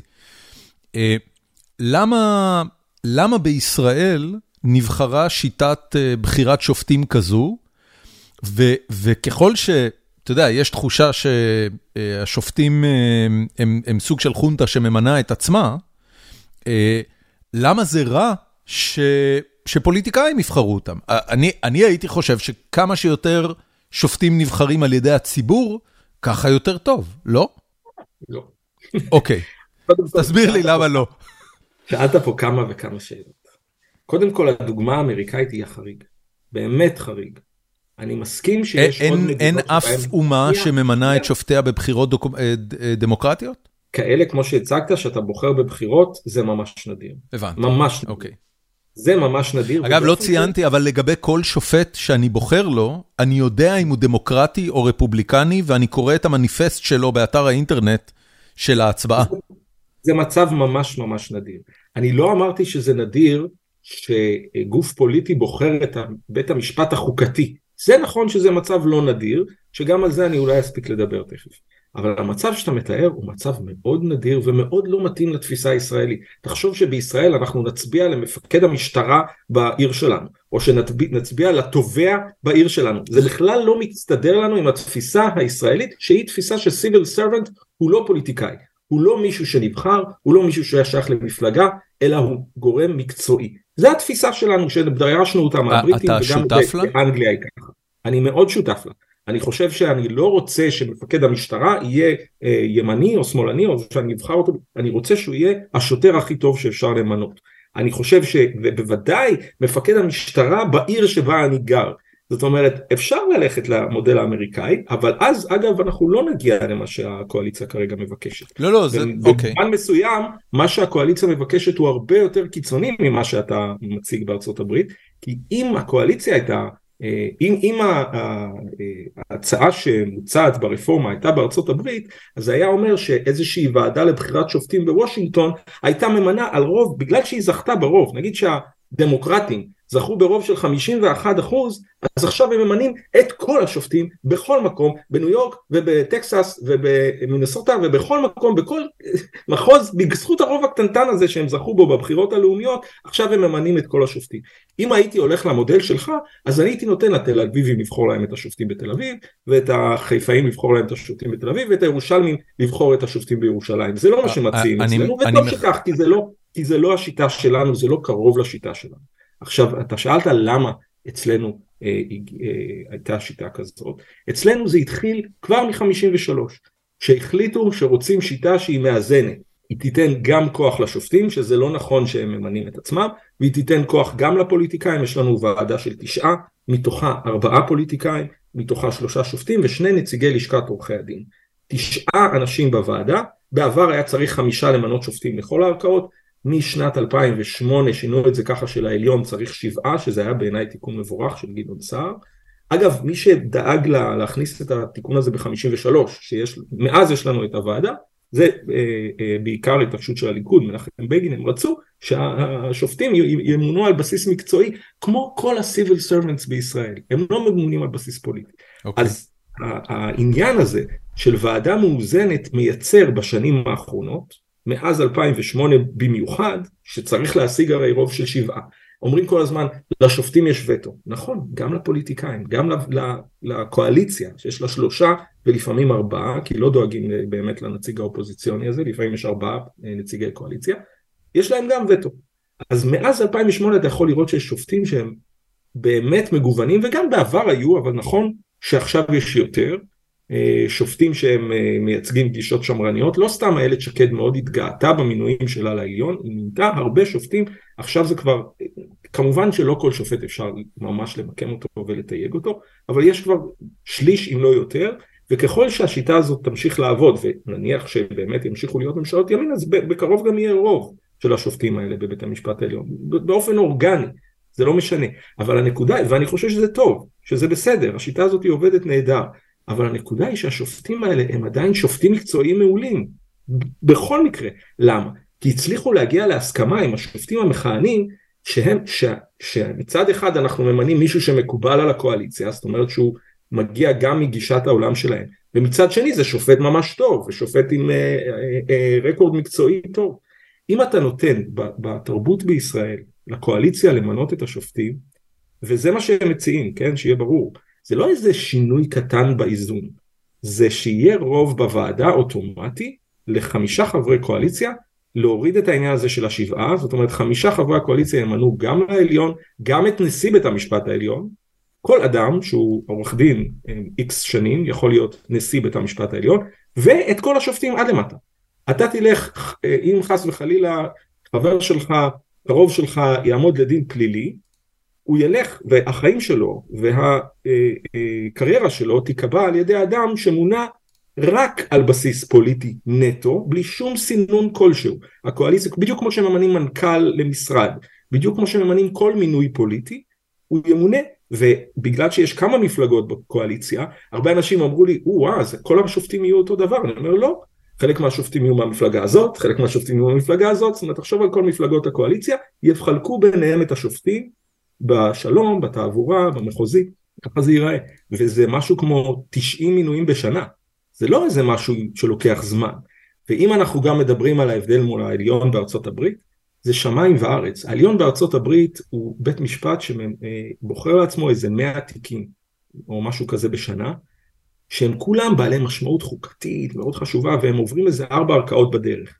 אצלנו בית המשפט העליון מטפל באלפי תיקים, כן. אלפי תיקים שכמעט כולם זה גם ערעורים, כי במחוזי מתחילים תיקים חמורים. כשמישהו, כשיש תיק רצח, הוא מתחיל במחוזי, הערעור הוא בעליון. בית המשפט העליון שלנו חייב להיות מקצועי מאוד, כי הוא מטפל בתיקים כאינסטנציה ראשונה של ערעור. נכון שיש לו גם את הבג"ץ והחוקה וזה, אבל זה משהו כמו 20% מהעבודה שלו. אז, אז מכל הבחינות, ועוד פעם אם אני משווה עוד, עוד שתי נקודות חשובות להשוואה מול ארה"ב. גם בארצות הברית נכון המינוי לעליון הוא פוליטי, נכון. אבל הוא לא מינוי פוליטי טהור כמו שהם רוצים, שהקואליציה, שגורם אחד שש, ששולט ממנה, אלא בכל זאת יש הסכמה של, יש אישור בסנאט, והסנאט בהרבה מקרים הוא לעומתי לנשיא, אז זה כבר כשלעצמו איזון מסוים, נכון שלפעמים לא, אבל לפעמים כן, וזה יוצר את האיזון בבית המשפט, ושנית, המינוי בארצות הברית הוא לכל החיים, ומשום שזה מינוי לכל החיים, התחלופה היא איטית. נשיא ארבע שנים בממוצע ממנה 1.4 שופטים. כן. אצלנו באותם ארבע שנים ימנו איזה שישה. מה okay. אוקיי. שאומר שהממשלה משתלטת על בית המשפט מאוד מהר. לכן מהר מאוד יהיה לך בית משפט בדמותה של הקואליציה אם היא מחזיקה מעמד מספיק שנים. אני, אני, רוצה, אני רוצה לשאול בעניין הזה, אה, רק על מה שאמרת עכשיו, אה, השופטים הלכאורה ימנים ולכאורה שמרנים שממשלות ישראל הימניות והלאומיות אה, מינו במהלך העשר שנים האחרונות, לא פוסקים לפי מה שהקואליציה רוצה, הפלא ופלא. אה, אה, היה לנו את מרים נאור, יש לנו עכשיו את חיות, אם אני לא טועה, כולם, אף אחת מהן היא לא שמאלנית מהבית, מה שנקרא. אני באמת לא יודע, נאור אנחנו אולי יכולים לנחש. אבל אבל אתה רואה, גם השופטים היותר שמרנים, סולברג, אדמונד לוי, לא לא פוסקים לפי מה שהקואליציה רוצה. זאת אומרת, למה למה למה למה הפחד שמרגע ששופטים ימונו יותר על ידי פוליטיקאים, הם עדיין לא יראו את המנדט שלהם בתור אנשים עצמאיים שתפקידם לעשות מה שנכון למערכת המשפט, יש יש כבוד במקצוע. כי עד עכשיו הם לא מונו על סמך השיוך הפוליטי שלהם, הם מונו גם קצת על סמך המורשת, אם הם יותר ליברליים או יותר שמרנים, אבל זה לא היה באמת על סמך זה שאתה שייך למפלגה מסוימת והיית עסקן במפלגה מסוימת ולא הצלחת להיכנס, להיכנס לכנסת אז נתנו לך בתור פיצוי להיות שופט. זה שונה מאוד. ושנית אני גם לא מסכים איתך שהשופטים תמיד אתה יכול לדעת בדיוק זה טוב אצלנו זה טוב שאתה לא יכול לצפות בדיוק מה כל שופט יעשה אחרי שהוא ממונה אני מסכים איתך ולכן זה, זה טוב אבל זה בזכות זה שבאמת האתוס של המינויים אצלנו בבית המשפט הוא מקצועי הוא לא פוליטי. אם הוא יהיה פוליטי הוא יהיה דומה לזה שבארצות הברית ואז אתה כבר יכול כמעט מראש לדעת כל פסק דין בדיוק כל אחד מה הוא יגיד פחות או יותר ואתה, ובית המשפט נתפס שם כשחקן פוליטי נטו. וכשאומרים אצלנו תראו האמון בבית המשפט ירד אנחנו רוצים להחזיר את האמון בבית המשפט. אתה יודע כמה האמון בארצות הברית בבית המשפט העליון? הוא צונח. הוא, הוא על הפנים בגלל שתופסים את זה כלחלוטין אה, שחקן פוליטי. וזה מה שיקרה פה. אם אנחנו נדע שזה השופט שהליכוד מינה וזה השופט שש"ס מינה וזה השופט, זה, זה קטסטרופה. Okay. אוקיי. אני רוצה אבל לחזור לשאלה שלא כל כך הספקתי לענות עליה, שאמרת על קץ הדמוקרטיה. אני, ניסיתי להגיד למה אני חושב שברגע אה, שאתה נותן את הכוח בידי הרוב אז, אז לא יהיה הגנה מינימלית הזכויות שזה כן. מבחינתי אלמנט קריטי בדמוקרטיה ואם אין אותה אז זו שאלה אם אתה בכלל דמוקרטיה אם הרוב יכול להחליט שמיעוט מסוים לא עולה לאוטובוס למשל ואז בית המשפט העליון אומר זה פוגע בשוויון אז אוקיי אנחנו מחוקקים את זה עם פסקת התגברות תשאל את עצמך אם זו דמוקרטיה, אם מיעוט מסוים לא יכול לעלות. על פי הגדרת המילה דמוקרטיה, התשובה היא כן. היא דמוקרטיה לא, לא. ליברלית, אבל היא, היא דמוקרטיה. אז לא, ההגדרה של דמוקרטיה בהרבה, אה, לשיטתי ולשעתת הרבה חוקרי דמוקרטיה והוגי דעות לגבי אה, מדעי המדינה, דמוקרטיה זה לא רק העניין הזה של הבחירות, זה עוד דברים, זה גם הגנה על זכויות וזה גם הגנה על אה, שלטון החוק ועל הפרדת רשויות, אבל אני רוצה רגע להתווכח גם עם הנקודה הזאת של שלטון הרוב. בוא נניח שאני באמת מאמין בדמוקרטיה במובן הכי הכי רזה ומצומצם שלה, של בחירות, שרק זה דמוקרטיה. נניח שרק זה דמוקרטיה, אני לא מסכים נניח. איך אנחנו יודעים מה הרוב אמר בבחירות? איך אנחנו יודעים, יותר נכון, איך אנחנו יודעים מה הרוב רוצה? בבחירות, נניח, נניח שאני מסכים עם הגישה הזאת. אבל עד הבחירות, יש תהליך של כמה שנים שכל אחד יכול לומר את דעתו, נכון? ולהקים עיתון, ולהקים מפלגה, ולהקים עמותה, ולעשות הפגנה, ולעשות uh, מחק... uh, uh, תחקירים כנגד השלטון וכולי. בדמוקרטיה לא ליברלית, כמו שאמרת, כמו שאומר אורבן בהונגריה, יש גם הגבלות על חופש הביטוי, וכשיש כוח מוחלט לשלטון, ואין בית משפט שיגיד את זה אסור לך לעשות, אז גם בעצם מחבלים בתהליך הזה של הכרעת רוב. בעצם אתה יכול לסגור את כל כלי התקשורת שלא בעדך, לממן הרבה הרבה כלי תקשורת כן בעדך, ואתה כבר בעצם לא רק עוסק במדיניות, אלא המדיניות שלך היא להישאר בשלטון. ואתה משנה את חוקי הבחירות, אתה עושה אה, פוילשטיקים עם אה, אה, אזורי בחירה במקומות שיש, או שאצלנו השיטה הרבה יותר פשוטה תהיה לתקן את דיני פסילת הבחירות ככה שבית המשפט העליון לא יכול להתערב, כן. וגמרנו, אתה יכול לפסול את המפלגות הערביות וגמרת אתה, את הסיפור. אתה יכול לפסול את המפלגות הערביות, אבל אתה לא יכול לפסול את המועמדים הערביים מלרוץ במפלגות לגיטימיות ולקבל את הקולות של הבוחרים שלהם. כן, אבל מה שסביר שיקרה במקרה הזה זה שחלק גדול מהבוחרים הערבים, אם פוסלים לו את המפלגות שהוא רוצה, אתה לא, לא, לא חייב לפסול אה. אה, למה? אתה חושב שאם אחמד טיבי נניח עכשיו היה נכנס למרץ, אוקיי? פוסלים לו את המפלגה והוא נכנס למרץ. אתה חושב שהציבור הערבי לא היה לא היה מצביע לו? קודם כל אפשר לפסול גם מועמד, אז אפשר יהיה גם לפסול את אחמד טיבי אישית מלרוץ במרץ. זאת אומרת, זה לא רק פסילת רשימות, יש אצלנו גם פסילת מועמדים, זה קרה. אז הנקודה היא שברגע שיש לך כוח אבסולוטי, סביר, או לפחות יש סיכון, תסכים איתי, כן. שהממשלה תשתמש בו כדי להישאר בשלטון. כן. היא תשחק עם דיני הבחירות, היא תפגע בחופש הביטוי, והיא תשתמש בחינוך, היא תשתמש בפגיעה באקדמיה, ולא, אני לא סתם אומר את זה, אנחנו רואים את זה בהונגריה אבל, אני, אבל אני, אני, אני רוצה להגיד על זה משהו, ו, ואני אפילו אביא דוגמה אה, פה מארצות הברית שקורית ממש בימים אלה. אה, העניין הזה, באופן אה, אה, ברור, העובדה שאתה נותן לאנשים חופש, להלן דמוקרטיה ליברלית, ברגע שאתה מכונן דמוקרטיה ליברלית, אתה נותן לאנשים את החופש לצבור הון ולנצל את ההון הזה להשפעה פוליטית. והדבר הזה מאוד מאוד בולט בארצות הברית. אה, יש עכשיו מלחמה ממש, כאילו, אתה יודע, זה לא רובים ויריות, אבל יש מלחמה נגד טיק טוק. טיק טוק אה, אה, הוכרז בציבוריות האמריקאית בתור אה, זה סין, זה זר, זה מעביר את הפרטים שלנו לסין, yada yada yada. מדינות מתחילות להתקין תקנות שפשוט חוסמות את טיק טוק ברשתות וי-פיי מסוימות. פה בטקסס המושל הודיע שטיק טוק תהיה חסומה בכל רשתות הווי-פיי הציבוריות והאקדמיות כדי למנוע זליגה של מידע לסין, yada yada yada. מה שבפועל קורה פה, זה שיש למישהו אינטרס שטיק טוק לא יצליח בארצות הברית. לא יגדל, לא יתפוס, וטיק טוק פלטפורמה מדהימה, אה, מייצרת ערך גם למשתמשים שלה, גם ליוצרי התוכן שמעלים אליה תוכן. אני מניח שיש שם איזושהי זיקה לממשל הסיני, אני לא יודע באיזה רמה כמובן, אבל, אבל קורה שם משהו שבפעם הראשונה מוצר דיגיטלי קונסומר סיני חודר לשוק האמריקאי ברמה כזאת, וארצות הברית מתגוננת מפניו. עושה צעדים לא דמוקרטיים כדי לסתום את הפה לאפליקציה הסינית הזאת. אני מניח שזה קשור במידה רבה ללובי של פייסבוק וגוגל בוושינגטון, אבל אני לא באמת יודע את זה. זה בוודאי איום על פייסבוק וגוגל, על אינסטגרם, על, על כל מי שאתה מסתכל. זאת אומרת, הדמוקרטיה הליברלית כוללת בתוכה את הפיצ'ר הזה של הטיה באמצעות הון. ונגד okay. אוקיי. זה אין הגנות. זאת אומרת, זה חלק, it, it, it's baked into the game, זה מה שאנחנו רוצים כן. שיהיה. לא, אבל יש מדינות שכן עושות רגולציות מסוימות שאוסרות את זה.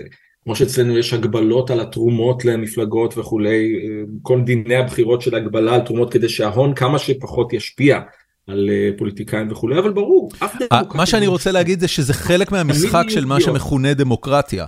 זה איננו קץ הדמוקרטיה. נכון, תמיד יהיו אף דמוקרטיה לא מושלמת, בטח לא אוקיי. הברית, יש בה המון המון צרות. אגב, לך יש דמוקרטיה, לך יש דמוקרטיה שהיא המודל הרצוי מבחינתך? יש מדינה שאתה מסתכל ואתה אומר, אך, החבר'ה האלה, לא. יש להם את זה פנטסטי. האמת שלא. אני לא אוקיי. חושב, לא, אף פעם לא מצאתי דמוקרטיה כזאת, למרות שבדרך כלל מסתכלים על המדינות הסקנדינביות. אני אספר לך... אבל לא, בכל מקום אתה רואה את הפגמים, כן. בכל מקום אתה אומר, יש להם את זה, אבל אין להם את זה. אבל בסופו של דבר, בכל הדמוקרטיות המתפקדות, חייב להיות איזשהו איזון על הכוח של הרוב. כי אם לא, אז אתה גם מקבל פגיעה בזכויות וגם מקבל בעצם רוב שמנציח את עצמו. ואתה לא אתה מאמין שהרפורמות האלה שיריב לוין אה, אה, ושמחה רוטמן מנסים להעביר עכשיו, אה, יש להם פוטנציאל להפוך את ישראל למדינה לא דמוקרטית? להונגריה? כן. כן, אתה אתה, אתה רואה את זה. בוודאי, בוודאי. אני לא אומר שזה יקרה בן לילה, אבל יש שם את הפוטנציאל ואת הסכנה, לא סתם כל המומחים בעולם, כולל מכל פעם שאומרים בוא נהיה כמו קנדה, בוא נהיה כמו זה, כל המומחים למשפט חוקתי מקנדה כתבו מכתב ומסבירים למה זה לא אותו דבר ולמה להם יש איזונים ובלמים אחרים וכמה מסוכן מה שאנחנו עושים. ולא סתם כל המערכת הכלכלית נלחצת ממה שקורה פה כי הם לא, הם רואים מה קרה בהונגריה ובפולין ובמקומות אחרים ש, ש, אין בעצם שום עצמאות לשלטון החוק, אין הגנה חוקתית על הקניין, אין הגנה אה, על אה, מי, מי, אותה רטוריקה שמשמשת עכשיו כנגד השופטים וכולי, בינתיים לא עושים את זה, לא אומרים את זה באמת, זה מגיע רק מהשורות התחתונות, אבל אתה כבר שומע את אותה רטוריקה כנגד נגיד בנק ישראל, מי הוא שזה, מי בחר בו. כן, מי הוא, מי הוא שיקבע את שער הריבית. נכון, כי הרי... גפני רוצה להעביר אה, חוק. הכל. כן. בדמוקרטיה הרוב קובע הכל ומה שמשתמע גם ממה שקורה מול התיק של נתניהו זה שהרוב גם יכול לבטל תיק פלילי. נכון. זה, ש... זה, זה נכון. המסר. אם הרוב חושב שהפרקליטות טעתה אז הרוב יבטל את התיק הזה בסוף זה, זה מה שיושב על הפרק. כן. Um, אתה מכיר את uh, יריב לוין. לא, לא יודע אם, אם קרוב או לא, לא קרוב אבל אתה לא מכיר אותו? אתה מהנהן בראשך. לא אישית. לא אישית, לא. הבנתי, אוקיי. אני אני מנסה להבין מאיפה ה... מאיפה העניין הזה פרץ לחיינו, זאת אומרת, ה... ה... יריב לוין לא היה חבר חשוב בקואליציות קודמות, לא היה בתקשורת אה, בצורה כזו. אה, אני שומע על השינויים, אתה יודע, אני אפילו זוכר מהדיונים של הליכודניקים החדשים, בפריימריז הוא היה ברשימות המומלצים שלנו, כי הוא נת... הוא לא, לא היה? אוקיי, אז אולי אני טועה. אני לא יודע למה היה תקוע לי בראש שהוא uh, מהכוחות היותר שפויים והפחות ביביסטים בליכוד. אבל אתה מהנהן, אני אני כנראה לא זוכר נכון. עבר זמן מאז שהצבעתי לא בפריימריז. הוא לא היה, הוא היה בשורות האחוריות בהתחלה, בשנים האלה של 2011 עד 2013, אבל עם השנים כן הוא נהיה דמות מפתח הרבה יותר חזקה. ככל שהתחזק האלמנט הזה של אנטי מערכת המשפט ו... אה, הייעוץ המשפטי והפרקליטות וכולי, כמו שאמרנו, תוך כדי התיק של נתניהו, ברגע שהרי נתניהו היה כולו נגד, והוא אמר שהוא מוסיר את הדברים, את ההצעות של יריב לוין, והוא מתנגד ורוצה לשמור על מערכת המשפט עצמאית, הוא, הוא אמר ממש יפה את כל הנימוקים שאנחנו אומרים היום, שבשום מקום לא תראו לי מדינה דיקטטורית אחת שיש בה בית משפט עצמאי וחזק, אז נתניהו עצמו התהפך איפשהו אחרי 2015-2016, במקביל לחקירות ולתיקים הפליליים, וזה מה שהרים את האג'נדה הזאת למעלה, מה שהבריח מהליכוד את כל האנשים ה... אה, שכן האמינו בדמוקרטיה ליברלית, שעכשיו או לא נמצאים שם בכלל או נמצאים במפלגות אחרות. אה, וזה הפך את האג'נדה הזאת להרבה הרבה יותר משמעותית וחזקה בליכוד. אוקיי. Okay. Um, לפודקאסט הזה יש קבוצת פייסבוק שנקראת פורום החיים עצמם של גיקונומי. אני פרסמתי שם לפני שלושה ימים שאתה עומד להתארח בפרק, והזמנתי את המאזינים שלנו לשאול שאלות. אה, שאלות רבות ומעולות, אני חייב להגיד. אה, אני רוצה דווקא להתחיל ממשהו שקשור לחיבה שלך לז'בוטינסקי. אה, ואני לא זוכר אם זה היית אתה, אבל היה מישהו בליכודניקים החדשים שתמונת הפרופיל שלו בקבוצה בוואטסאפ הייתה פרצוף של ז'בוטינסקי אה, משולב עם הטרמינטור של שוורצנגר, זה היית אתה? אני יכול להגיד לך בוודאות שלא, כי אז עוד לא היה לי וואטסאפ. אה, אוקיי, אוקיי, אז זה לא אתה. מישהו היה לו את התמונה הזאת, ואני זוכר שזה הגניב אותי לגמרי, המחשבה הזאת של אה, אה, אה, ז'בוטינסקי בתור סייבורג. מיכאל, מיכאל פרל טפלינסקי שואל, למה מתנגדי הרפורמה משתמשים בציטוטי ז'בוטינסקי ובגין כדי לנגח את הימין? עם כל הכבוד, ז'בוטינסקי היה פילוסוף תיאורטי. שלא ראה את מדינת ישראל קמה, בגין אמר, יש שופטים בירושלים לפני ה power grab של אהרון ברק, למה זה בכלל רלוונטי לדיון היום? תראה, אני חושב שתמיד רלוונטי להביא, אה, כמו שאפשר להגיד, מה זה רלוונטי להגיד, להביא טיעונים ממונטסקיה. בסדר, אתה מביא טיעונים של הוגים, אה, גם אם הם היו בעבר וגם אם הם היו עוד לפני הקמת המדינה, כי הרעיונות שלהם מאוד מאוד רלוונטיים. הרעיונות של ז'בוטינסקי על אה, מדינה ליברלית, הגנה על חופש הביטוי ו...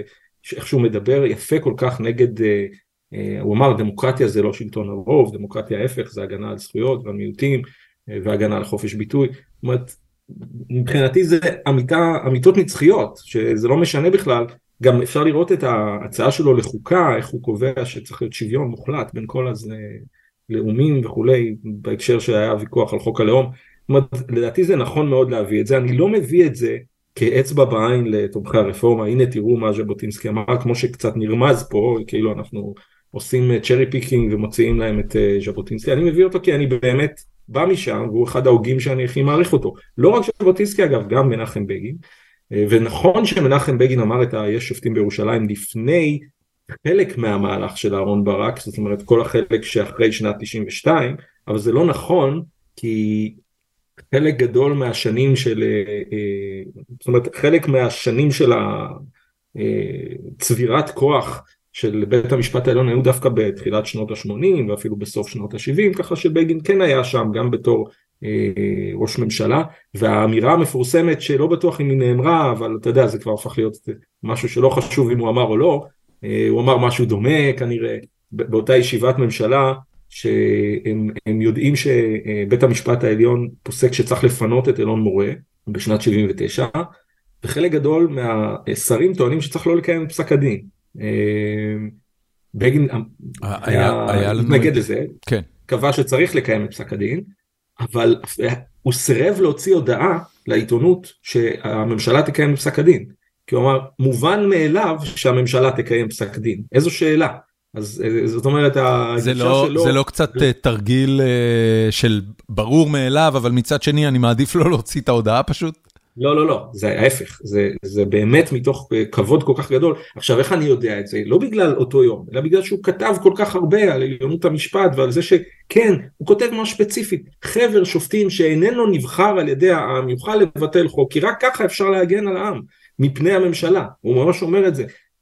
כדי להגן, אם העם בוחר בחירות, הוא חייב שיהיה בית משפט חזק שמגן עליו, כי הרוב בכנסת נשלט על ידי הממשלה ואף אחד לא מגן עליו. זאת אומרת, אצלנו בהפרדת הרשויות שלנו, בית המשפט הוא היחיד שיכול להגן, כי הכנסת והממשלה הם למעשה גוף אחד. הממשלה שולטת בכנסת וחייבים בית משפט חזק, זה הוא אמר, הוא אמר את זה מאוד מאוד יפה. אז כן, אנחנו משתמשים בזה.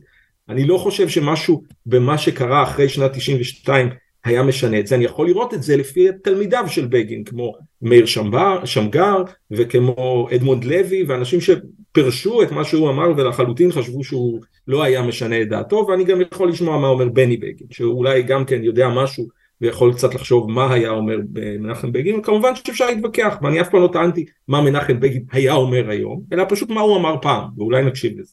אוקיי. Okay. אמ, שאלה הבאה, אמיר זמיר, זה שאלה שהתפתח דיון שלם סביבה, אז אני אשאל אותה ו, אמ, ו, ובעיקר נדבר על התסכול. אה, השאלה של אמיר זמיר, איך אתה לא מתייאש מהשיח המטומטם הזה בעובדות לא משנות לאף אחד? זה מרגיש כאילו אנחנו חיים במבחן רורשך אחד גדול, בו כל אחד רואה את מה שהוא רוצה בלי קשר לעובדות. התפתח דיון אה, אה, שלם על עצם האמירה המתוסכלת הזאת, אבל אני... אני כן רוצה לקחת את הסנטימנט שלה, שאני גם חוויתי אותו אגב בפרקים אה, האחרונים שבהם ניסיתי לשאול אנשים לגבי הרפורמות, וזה אגב, השיחה הזאת שאני מנהל איתך זה הדיון האינטליגנטי הראשון שאני עושה בנושא, אז תודה רבה על זה. איך מתמודדים עם זה? חלק מאוד גדול מהדברים שאתה אמרת פה, אנשים לא יודעים אותם, וגם אם יודעים אותם אינטואיטיבית וחשים אותם בבטן, לא יודעים להגות אותם, ולא יודעים לפרש איך הם משפיעים על חייהם. איך בכלל מתנהל השיח? תראה, זה, זה נכון, וזה לא חדש וזה לא קשור רק לרפורמה הזאת, וזה לא קשור רק למשפט. יש את כל עניין הפייק ניוז והעובדות אלטרנטיביות בכל נושא, לא רק בנושא הזה ובנושא המשפטי.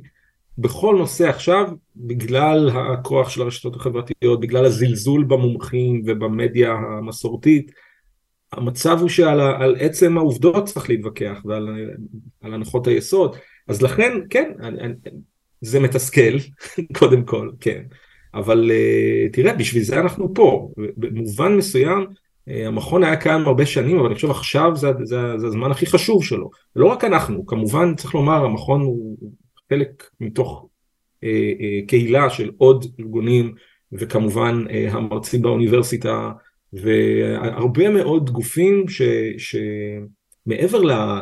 אני לא אגיד להילחם ברפורמה הזאת, הם פשוט מנגישים ידע.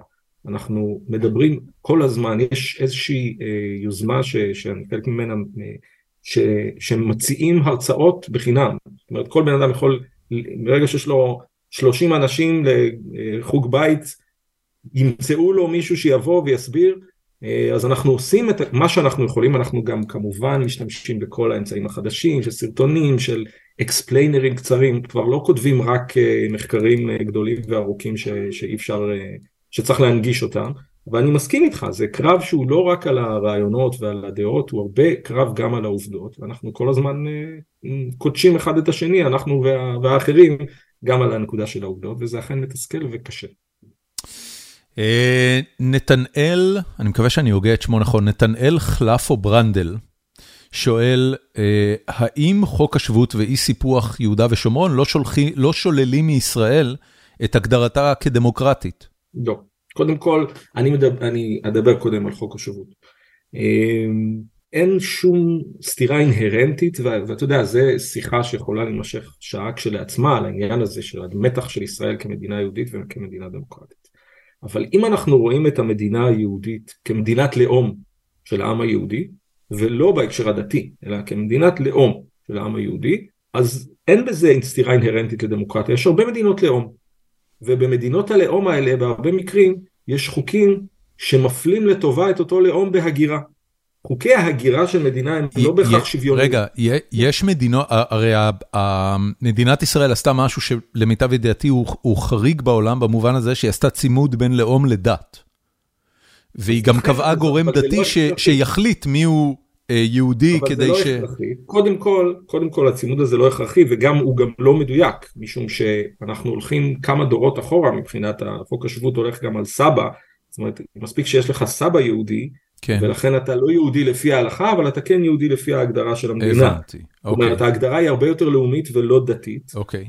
ובאופן כללי אפשר להתווכח עם ההגדרות האלה, אבל עם הנקודה שמה שטען אה, אותו שואל, אין מה להתווכח עם זה שחוקי ההגירה לא צריכים להיות שוויוניים. השוויון שהוא חייב להיות במדינה דמוקרטית, ואם יפגעו בו ומנסים לפגוע בו ברפורמה הזאת, הוא בין האזרחים שלך. הוא לא שוויון כלפי כל העולם. בין אזרחי ישראל צריך להיות שוויון. אוקיי, ומה לגבי המצב ב... מה לגבי המצב ביו"ש?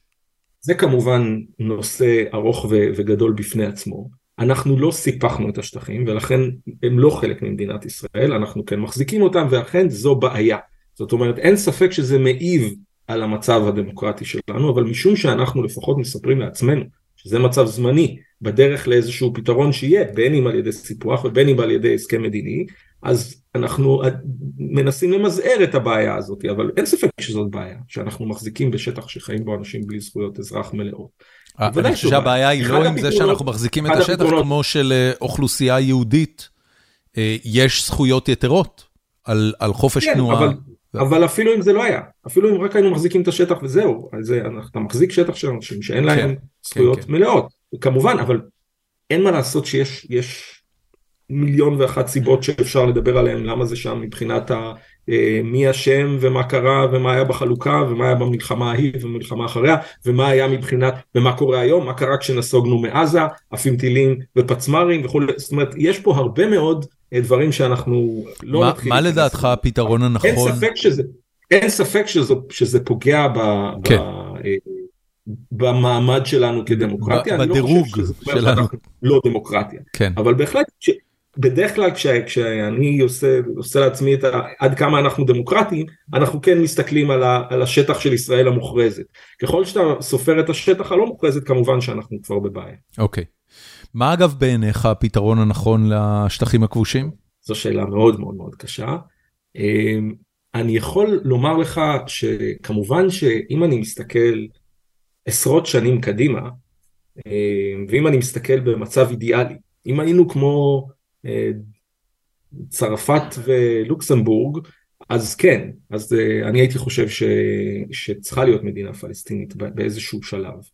הבעיה היא הבעיה הפרקטית, שאני לא רואה את זה קורה בזמן הקרוב, שאני חושש מבחינה, זאת אומרת, ולכן אני עדיין מגדיר את עצמי ימין, אה, אני לא רואה שאם אנחנו מקימים מדינה פלסטינית אז יש לנו כזה שלום ושלווה, ההפך אני רואה מלחמות ואני רואה פצמ"רים על יישובים שיושבים על, על הגבול עם אותה מדינה ולכן אני מסתכל, אם אני מסתכל רק הרבה שנים קדימה לאיזושהי סיטואציה שיש באמת רצון משני הצדדים אה, לפתור את הבעיה הזאת, אז כן.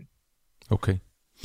אמ, um, מיכאל פסין שואל, אה, אם אתה אה, ז'בוטינסקאי, ככה אני הגדרתי אותך כשהצגתי אותך, כיצד לדעתך יש ליישם את מסך הברזל של ז'בוטינסקי? ואולי גם שני משפטים על מה זה. זה די uh, מתקשר לשאלה הקודמת שלך.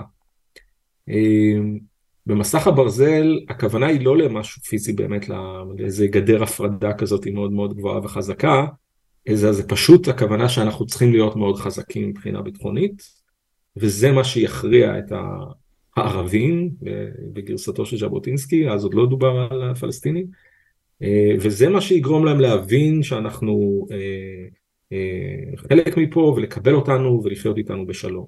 עכשיו זה לא אומר שאני חייב לקבל כל מילה של ז'בוטינסקי ולכן אני גם לא מאמין בשתי גדות לירדן וכולי.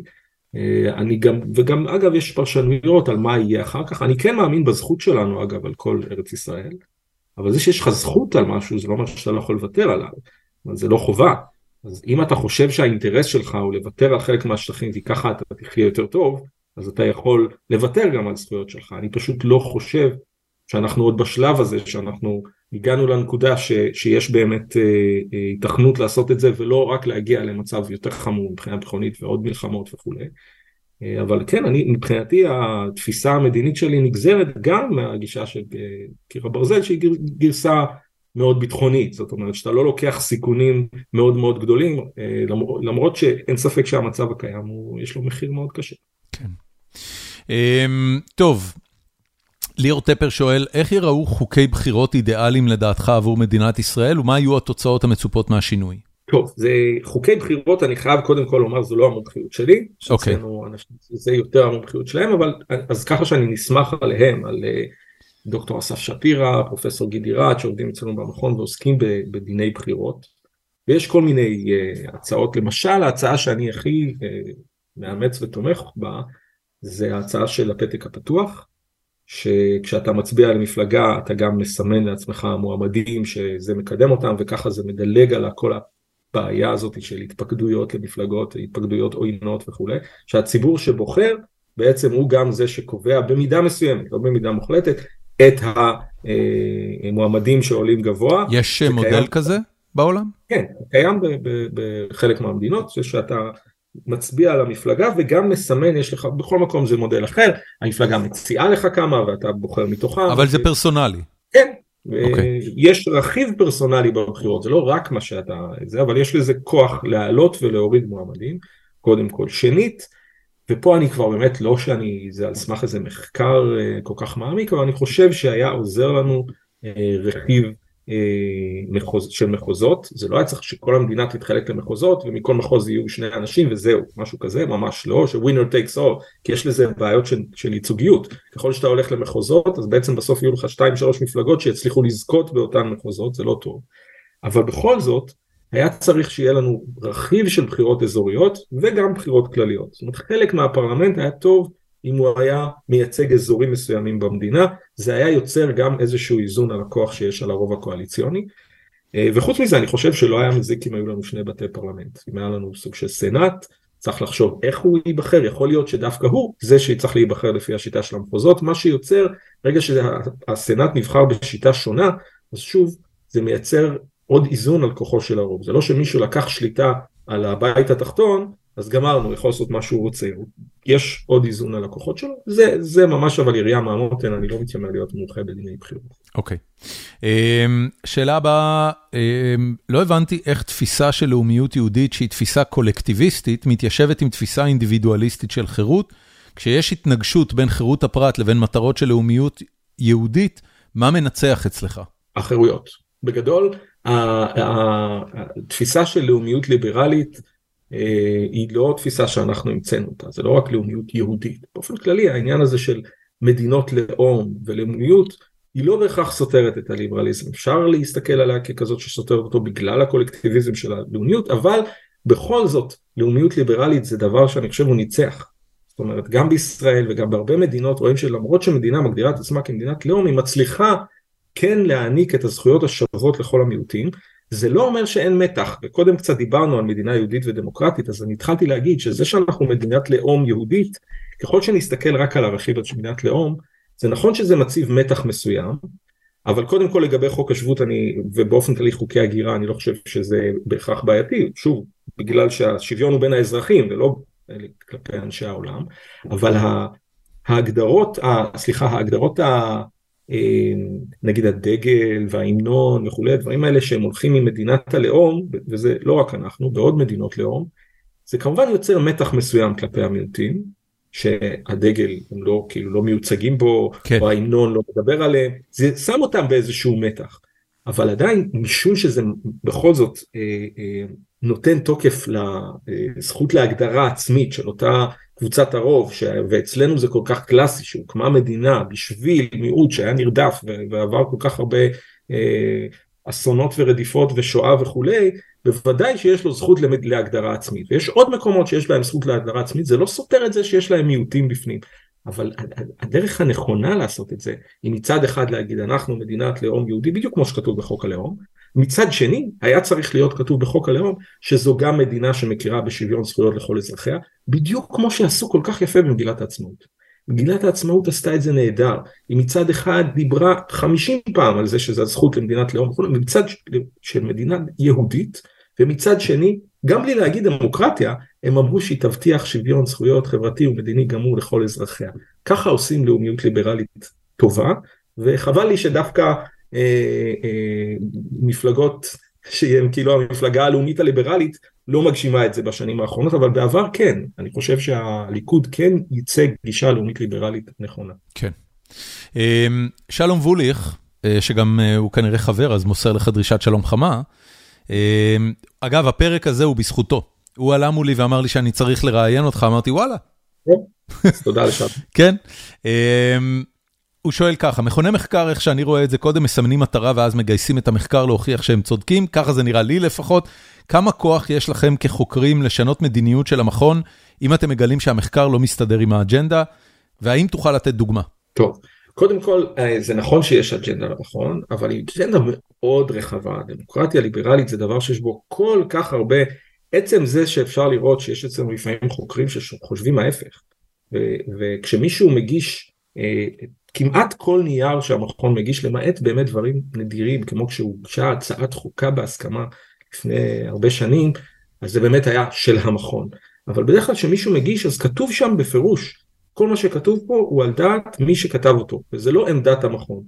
ולכן דווקא אני לא מסכים, זאת אומרת, אני לא עבדתי בהרבה מכוני מחקר, אבל המכון במובן הזה הוא קצת כמו אקדמיה, יש חופש, לא מוחלט, בכל זאת אנחנו בתוך איזושהי מסגרת, אבל בוודאי שיש בו אה, אג'נדות שונות ולפעמים סותרות. אני אתן דוגמה, אה, היה בעבר אה, שתי חוות דעת מאוד שונות, אחת של אה, מוטה קרמיצר על לגבי הגיוס, ואחת של ידידה שטרן.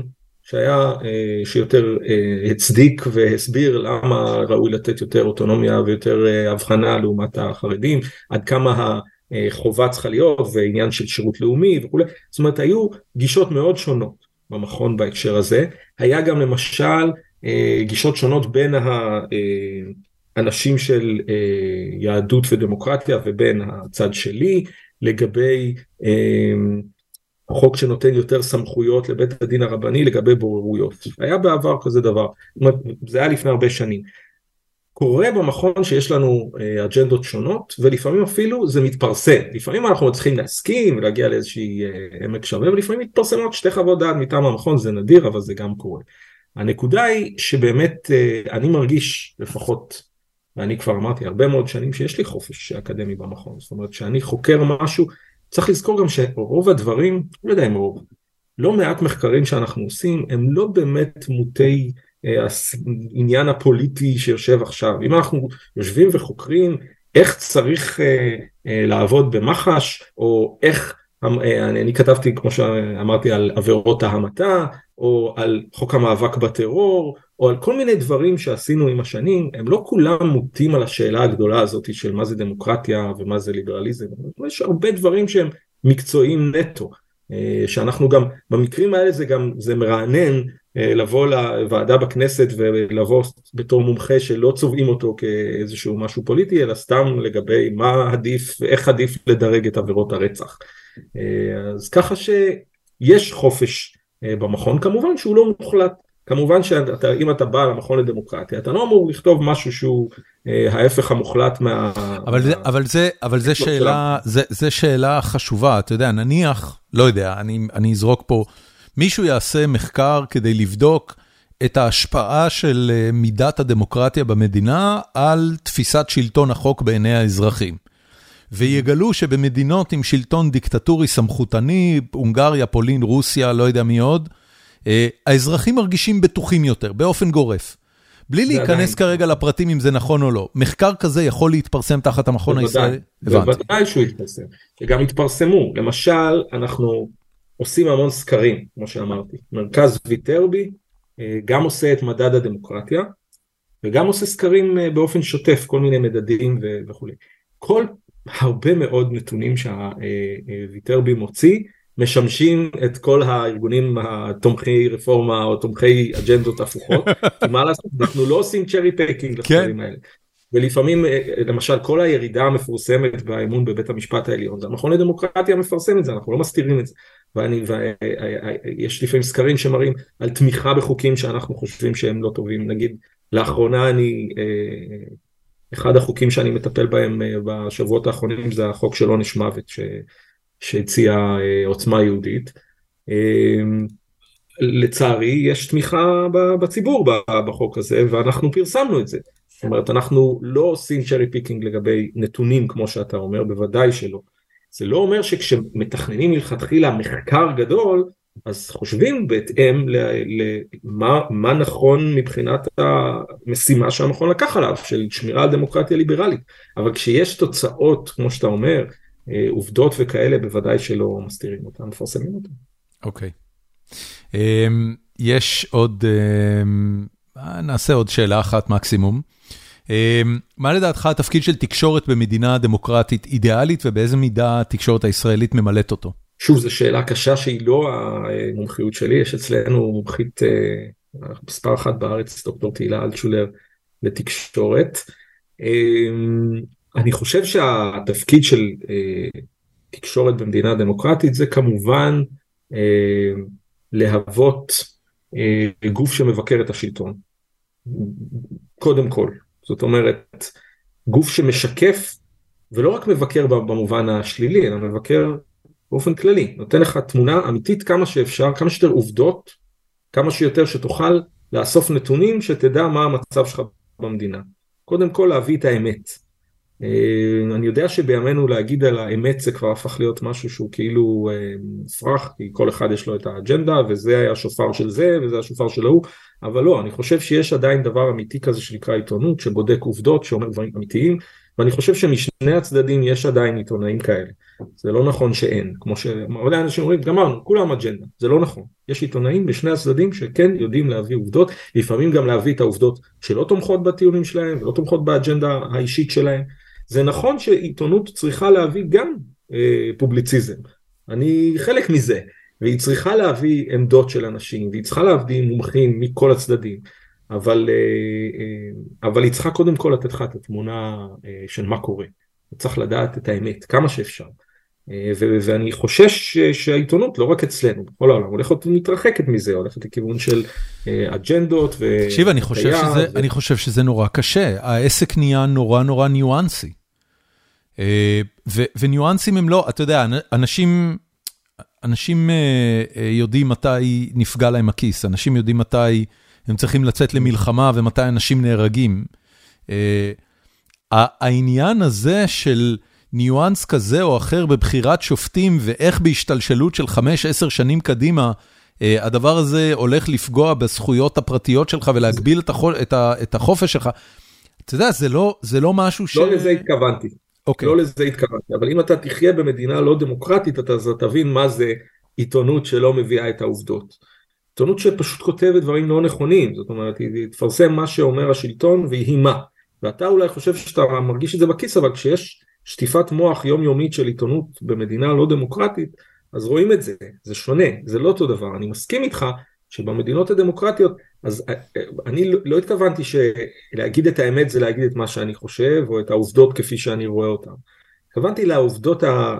ובמובן הזה אנחנו לא חיים במדינה לא דמוקרטית, בכלל לא, אנחנו באופן כללי, אני חושב שאנחנו חיים במדינה אה, דמוקרטית ליברלית, ולכן התקשורת שלנו, גם אם היא לא עושה במאה אחוז את העבודה שלה תמיד, יש לנו תקשורת חופשית ומגוונת, ויש בה הרבה זרמים, ובגדול אתה כן יכול לדעת מה המצב שלך במדינת ישראל, אתה לא, אתה לא חי באיזה מציאות מדומה שהשלטון אה, מכתיב לך.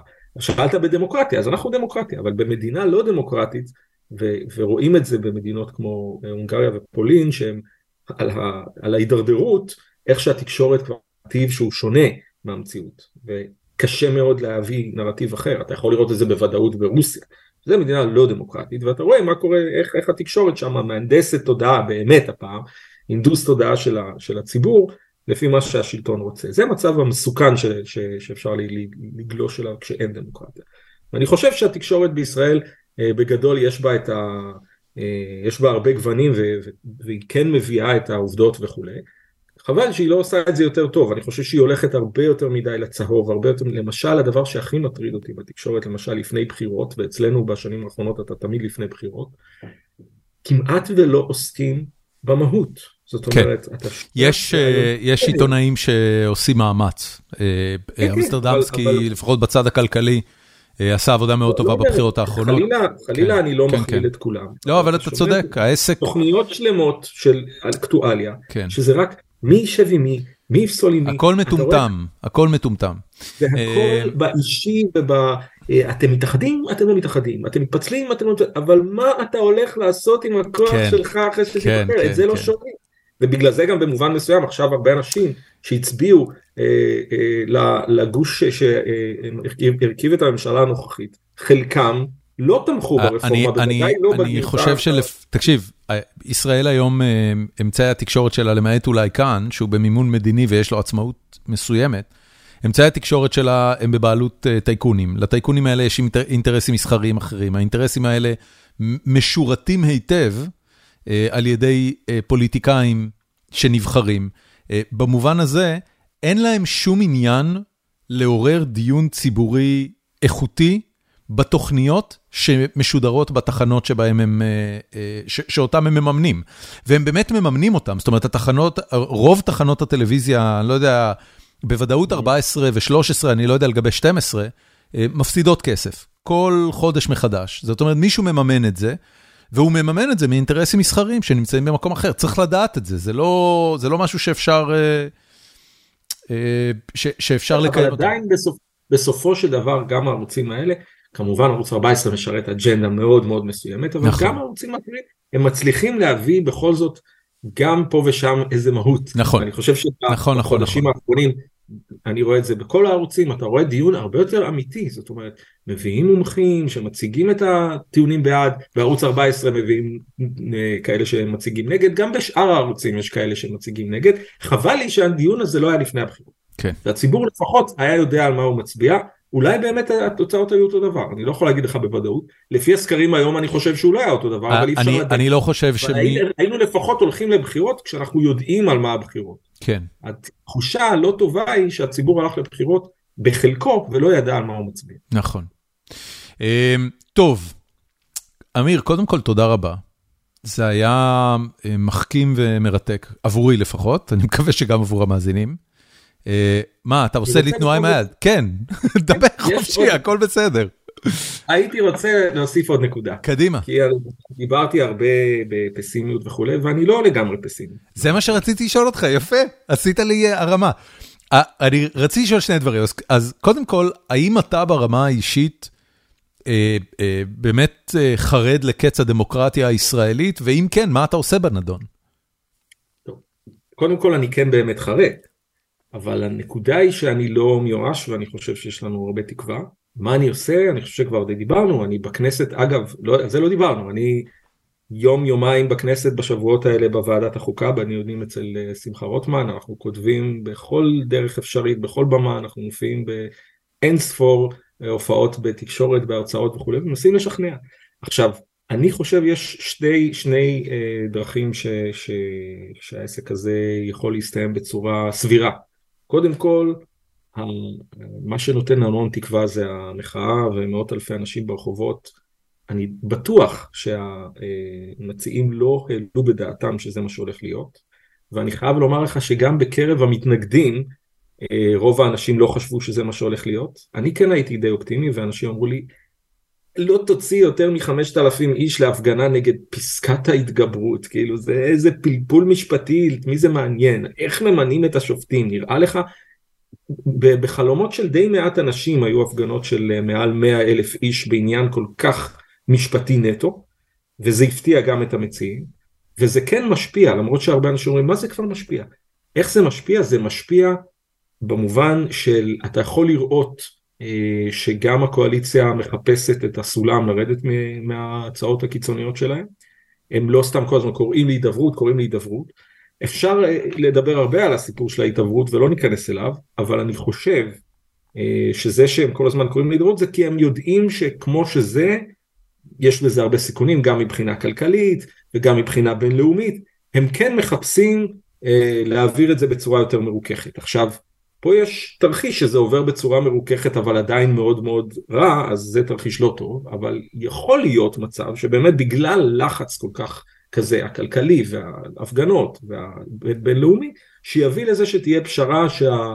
אה, שהיא תהיה הרבה פחות אה, גרועה ממה שאנחנו רואים כרגע, ואז אה, אפשר לומר שניצלנו מהאירוע הזה, ואולי בגלל שהפשרה הזאת תכלול גם חלקים שהצד הליברלי דורש, תמורת אה, השינויים האלה, כמו למשל השלמה של מגילת הזכויות שלנו שאין, שהיא לא שלמה, אין שם זכות לשוויון, חופש ביטוי, לחוקק חוק יסוד חקיקה, שזה בעצם יקרב אותנו לחוקה, כי אם יהיה חוק יסוד חקיקה שאומר שממחר כדי לשנות חוקי יסוד, לתקן חוקי יסוד, אתה צריך רוב גדול, נגיד 70, נגיד 80, אז זה אומר שעכשיו אנחנו לפחות מקפיאים מצב, לא ממשיכים להידרדר עוד ועוד.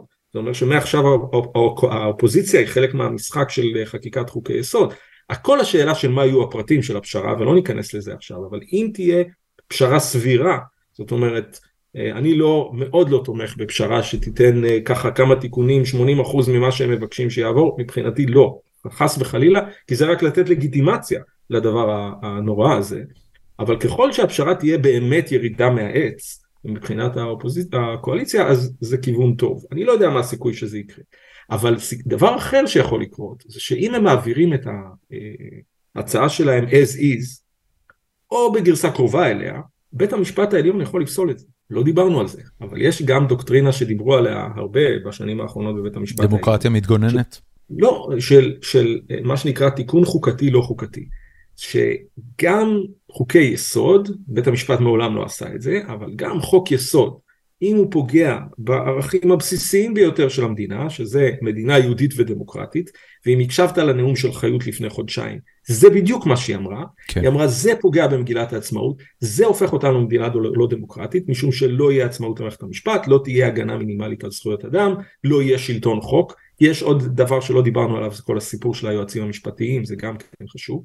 אז ככל שאתם עושים את זה, אני בית המשפט, ואני חושב שיהיה רוב לכך בבית המשפט, אי אפשר לדעת כמובן, לא רוצה להתנבא, שיפסול את זה, שיגיד זה לא חוקתי. כמובן שזה תרחיש מסוכן, כי אז השאלה, כן, יש פה כבר, עכשיו... כבר היינו בסיטואציה ש, שאדלשטיין אה, לא קיים פסיקת בית משפט. אם כי בסוף הוא קיים בזה שהוא התפטר. כן. אז עכשיו יש פה שתי, שתי אפשרויות. אחת שהיא האפשרות השפויה, שהממשלה אומרת, אוקיי, אנחנו מכבדים את שלטון החוק, ועכשיו אנחנו נחשוב על רפורמה יותר מרוככת, שכן, שבית המשפט העליון יחיה איתה, ואז בעצם נגיע אחרי החוק למה שאפשר היה לקרות לפני, לאיזושהי פשרה בהסכמה רחבה וכולי. האפשרות הלא שפויה היא שהכנסת או הרוב הקואליציוני יגיד אני מצפצף על בית המשפט. ואז אנחנו נגיע לאזורים שהם יותר מסוכנים. כן, אה, השב"כ עשוי להתערב. אני, גופי האכיפה יצטרכו להחליט למי הם מסכימים, למי הם מקשיבים. כן. זה מצב מסוכן, אבל כנראה בלתי נמנע. במצב שהרוב הפוליטי, רוב של 61 אחוז, רוצה לתת לעצמו כוח מוחלט. זה לא 61 אחוז, זה 51 אחוז. 51 אחוז, כן. רוצה לתת לעצמו כוח מוחלט, למנות את כל השופטים, לחוקק מה שהוא רוצה. העם, רוב העם, לפי הסקרים היום, מתנגד לזה, יוצא במאות אלפים לרחובות, אז יכול להיות שאם בית המשפט העליון יעמוד על שלו, ואני מקווה שהוא יעשה את זה, אז זה כן יסתיים בזה שבסופו של דבר תהיה התקפלות מצד הממשלה, ושוב נגיע, זה לא שלא יהיה כלום, שוב נגיע לתרחיש של רפורמה יותר מרוככת, ואולי אפילו נצא מפה עם איזשהו משהו שדומה לחוקה, עם אה, שריון. תגיד, אני, אני רוצה לשאול אותך... לא, ש... לא צריכים להיות פסימיים לחלוטין מכל תרחיש, למרות שבהחלט יש גם תרחישים פסימיים. אני רוצה לשאול שאלה ממש לסיום, אה, בכל ה... בכל הדיבור על מה שקורה כרגע עם הרפורמה, אחד הדברים שחוזרים ונאמרים זה שאנחנו מקבלים הצצה למה שתעשה הדמוגרפיה למדינת ישראל תוך 10-15 שנה. אה, תוך 10-15 שנה, אולי 20 שנה, אה, יש פה רוב אה, שצמח במערכות חינוך חרדיות ודתיות, מערכות חינוך שבהם רבנים, בהגדרה סמכותנים, חשובים יותר וקובעים יותר מבתי משפט חילוניים או, או פרלמנט כזה או אחר. אתה חושב שמדינת ישראל, יש לה עתיד מובטח כמדינה דמוקרטית? מובטח שום דבר לא מובטח. אנחנו יכולים לראות את זה שאין לה עתיד מובטח בתור מדינה דמוקרטית בחצי שנה, שנה הקרובות. אבל אני לא אה, רואה את התרחיש הפסימי הזה כטרמינלי ואין מה לעשות. אני לא חושב ככה. תחשוב, תחשוב לפני שלוש שנים או שנתיים, אם מישהו היה מספר לך על ממשלת השינוי, למשל. זאת אומרת, ממשלת השינוי, ממשלת בנט, אה, לפיד, כן, אה, עבאס. ממשלת בנט, לפיד, עבאס. לדוגמה. זה דבר שלא יכולת לצפות אותו. אז אנחנו לא יודעים מה יהיה לנו בעתיד. אנחנו לא יודעים גם, צריך לזכור שנכון, עכשיו החרדים מאוד מאוד מזוהים ימין, זה לא תמיד היה ככה, זה לא חייב להיות ככה. אה, מה גם שיש שם, ככל שהמחנה הזה גדל, אז יש שם יותר ויותר זרמים, חלקם יותר ליברליים, חלקם פחות uh, מתבדלים מאחרים. שוב, להתנבא על דמוגרפיה ועל הסוף של מדינת ישראל, אני לא חושב שאנחנו שם, ממש לא. אוקיי. Okay. אה, אני כן רואה, בעיקר אני רואה פה ציבור מאוד מאוד חזק אה, מהבחינה הזאת של הגנה על הזכויות הליברליות שלו.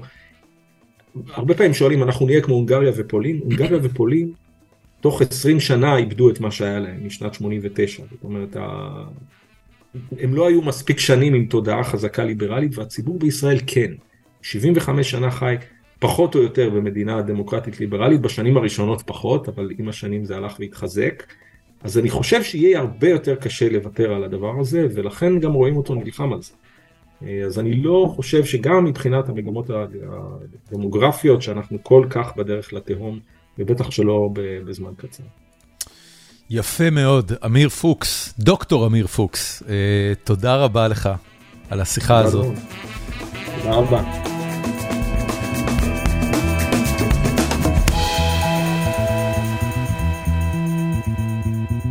ועד כאן הפרק. אני לא עושה את זה בדרך כלל, אבל יש משהו שאני רוצה עכשיו בסוף הפרק להגיד, דווקא על הפרק עצמו. במהלך הפרק שאלתי את תמיר, מה המטרה של כל החוקים לשינוי מערכת המשפט שעוברים כרגע? זה משהו שלא מדברים עליו הרבה. בציבור, או לא מספיק, מתעסקים כל הזמן בנבואות זעם, קץ הדמוקרטיה וכולי, ולא מתעסקים במה שעומד מיד על הפרק אחרי שמעבירים את הרפורמות האלה, וזה החוקים שיבואו אחר כך. חלק מהם אנחנו כבר יודעים מה עומד על הפרק, דרעי, למרות פסיקת בית משפט עליון שלא יכול, שהוא לא יכול לשרת כשר, הולכים לעשות חוק עוקף בג"ץ בשבילו. וגפני הודיע שהוא רוצה, אה, סליחה, הגיש הצעת חוק שתאפשר לכנסת או לממשלה למנוע מהנגיד להעלות ריבית, אה, ועוד כל מיני שטויות כאלה. בקיצור, אחרי שגמרנו אה, לרסן את הרשות השופטת, המחוקק יכול להתחיל להעביר מגוון רחב של חוקים שאין לדעת איפה הם ייגמרו. ואני הייתי מצפה שאמצעי התקשורת בישראל, אה, אולי יתעסקו קצת פחות ב, אה, ברפורמה, כי הרפורמה עצמה היא עניין משפטי טכני, ואני לא יודע כמה אנשים בכלל מתרגשים מכן, תעבור רפורמה, לא תעבור רפורמה, אבל במקום זה להתחיל לשאול את חברי הכנסת, את אה, שמחה רוטמן, את סמוטריץ', את נתניהו עצמו, איזה חוקים אתם מתכננים להעביר מיד אחרי שהרפורמה הזאת תעבור, ויה, ותהיה פסקת התגברות אפקטיבית, והמשילות תחזור לבית המחוקקים ולרשות המבצעת. איזה חוקים תעבירו? אני חושב שהתשובות האלה יכולות מאוד אה, לחזק את המתנגדים, כי ברור שזה לא בשביל להעביר חוקים שייטיבו עם הציבור, או לפחות לא עם כל הציבור, עם נציגים מאוד ספציפיים של הציבור. עד כאן. תוך כדי שדיברתי אמ, עם אמיר, אז אה, נגענו ממש ממש אה, בקטנה בעניין, בהתחלה, שהוא סיפר על, על עניין עונש מוות. והסוגים השונים של רצח שהוא, אה, שהוא, אה, אמ, ש, שהם עזרו אה, לייצר בחקיקה. וחשבתי ללכת ולהסתכל על משהו שלפחות מאז שעברתי לטקסס, לא עשיתי, וזה על מצב עונש המוות פה. טקסס היא מדינה שבה יש עונש מוות, ולצערי הרב ולזעזועי העמוק, המדינה מוציאה באופן קבוע ושיטתי אה, פושעים להורג. ורק אה, מתחילת השנה כבר הוצאו להורג שלושה אנשים. אה, במהלך השנים, מאז 2020, זאת אומרת שנתיים פלוס חודשיים, הוצאו להורג בטקסס 17 איש. אפשר להגיד שזה ממוצע של נגיד חמישה בשנה או שישה בשנה. אה, מה שאומר שהעשור הזה, אם ימשיך בקצב הזה, יהיה אחד העשורים הדלים בהוצאות להורג. העשור הפורה ביותר מבחינת הוצאות להורג בטקסס אה, היה בין 2000 ל-2009, ובשנים האלה הוצאו במצטבר 248 אנשים, אה, שזה אומר ממוצע של כמעט 25, 25 הוצאות להורג בשנה. זה שתיים בחודש. פעמיים בחודש, מדינת טקסס, בין 2000 ל-2009 בממוצע, אה, רשויות החוק אה, השכיבו בן אדם על מיטה, קשרו אותו, הזריקו לו זריקת רעל והמיתו אותו. אה, אני מתנגד נחרצות לעונש מוות, אני אגיד את זה אפריורית בכל מצב. ו- ואני מאוד שמח שבמדינת ישראל אין אה, עונש מוות, עדיין, אני מקווה שגם לעולם לא יהיה. אה, זה נראה לי נטל עצום על חברה, העניין הזה. אה, והסטטיסטיקות של עונש המוות בטקסס לא מחמיאות במיוחד. קודם כל מבחינה גזעית. מבין האסירים שכרגע נמצאים ב-death row, יש סך הכל 47, סליחה, יש סך הכל 186, אה, מתוכם רק 47 לבנים, 25 אחוז, אה, שחורים 85, שזה 45 אחוז, אה, והיספנים עוד 49, שזה 26 אחוז, וגזעים נוספים זה 5. זאת אומרת, יש נטייה לאנשים שחורים להיות ב-death row, יותר מכל גזע אחר בטקסס. בטקסס יש רק 10% שחורים, מה שאומר שזה ייצוג פי שלוש מהייצוג שלהם באוכלוסייה. וזה לא, זה לא, זה לא טוב. אני, אני לא נכנס עכשיו לפשעים עצמם. כש, כשקראתי על זה היום, אז נכנסתי לראות מי, ה, מי האנשים שמדינת טקסס מחליטה להמית ומה בדיוק הם עשו. באמת מדובר בפשעים מזעזעים ממש, ממש ממש ממש. גבר ששכר שני רוצחים שכירים לרצוח את אשתו, ו, ו, ועוד מגוון רחב של סיטואציות מזעזעות ממש. אבל לא משנה כמה הפשעים של האנשים האלה מזעזעים, אני באופן אישי לא מרגיש בנוח עם הקונספט של מדינה שמוציאה להורג אנשים באמצעות מערכת המשפט, שעם כל הביטחון שיש לי בה, בוודאות יש בה טעויות ויש בה הטיות, ויש בה כל מיני דברים שגורמים לזה שהמדינה בוודאות, סטטיסטית, לאורך ה... 100 השנים האחרונות הוציאה, יותר, הוציאה להורג יותר מבן אדם אחד שכנראה היה חף מפשע, או אשם בפשע הרבה יותר קטן ממה שהוא הורשע בו. אני לא יודע איך האנשים שמתעסקים בזה יום-יום חיים עם זה, זה נראה לי מעמסה עצומה על הנפש. סרטים וגם דוקומנטריים וגם עלילתיים, Dead Man Walking וכולי, שהתעסקו בנושא הזה, הם סרטים עבורי סופר קשים לצפייה ועדיין חשובים מאוד, ואני נורא מקווה שהדבר הזה ייפסק, ואני נורא מקווה שהדבר הזה לא יקרה בישראל לעולם. אני לא יודע איזה פופוליסטים ינסו לשכנע את הציבור שהוצאה להורג של אנשים שממילא יוצאים לפיגוע שהם לא חושבים באמת שהם יחזרו ממנו בחיים, או לפחות בסבירות גבוהה לא יחזרו ממנו בחיים, אני לא יודע איזה מוטיבציה אתם חושבים שאתם תיתנו להם, אבל... אבל העובדה שהמדינה תעסוק באופן טכני בהוצאה להורג של אנשים, היא משהו שאני לא הייתי רוצה לראות. ממש לפני שאסיים, אה, אני רוצה, למי שהגיע עד פה בפרק, קודם כל תודה שאתם מאזינים. אה, החלטתי שאני רוצה לעשות פרק מאזינים, פרק שכולו יוקדש לשיחות קצרות, לא ארוכות, עם המאזינים שלנו.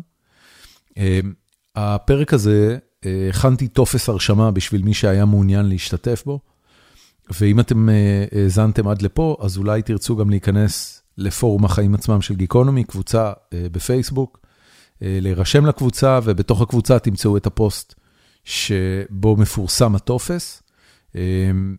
ואולי תשתתפו בפרק המאזינים הבא, אני גם מתכנן שזאת תהיה, מסור, שזאת תהיה מסורת, אם זה ילך טוב, אז נתחיל לעשות את זה אחת לשנה.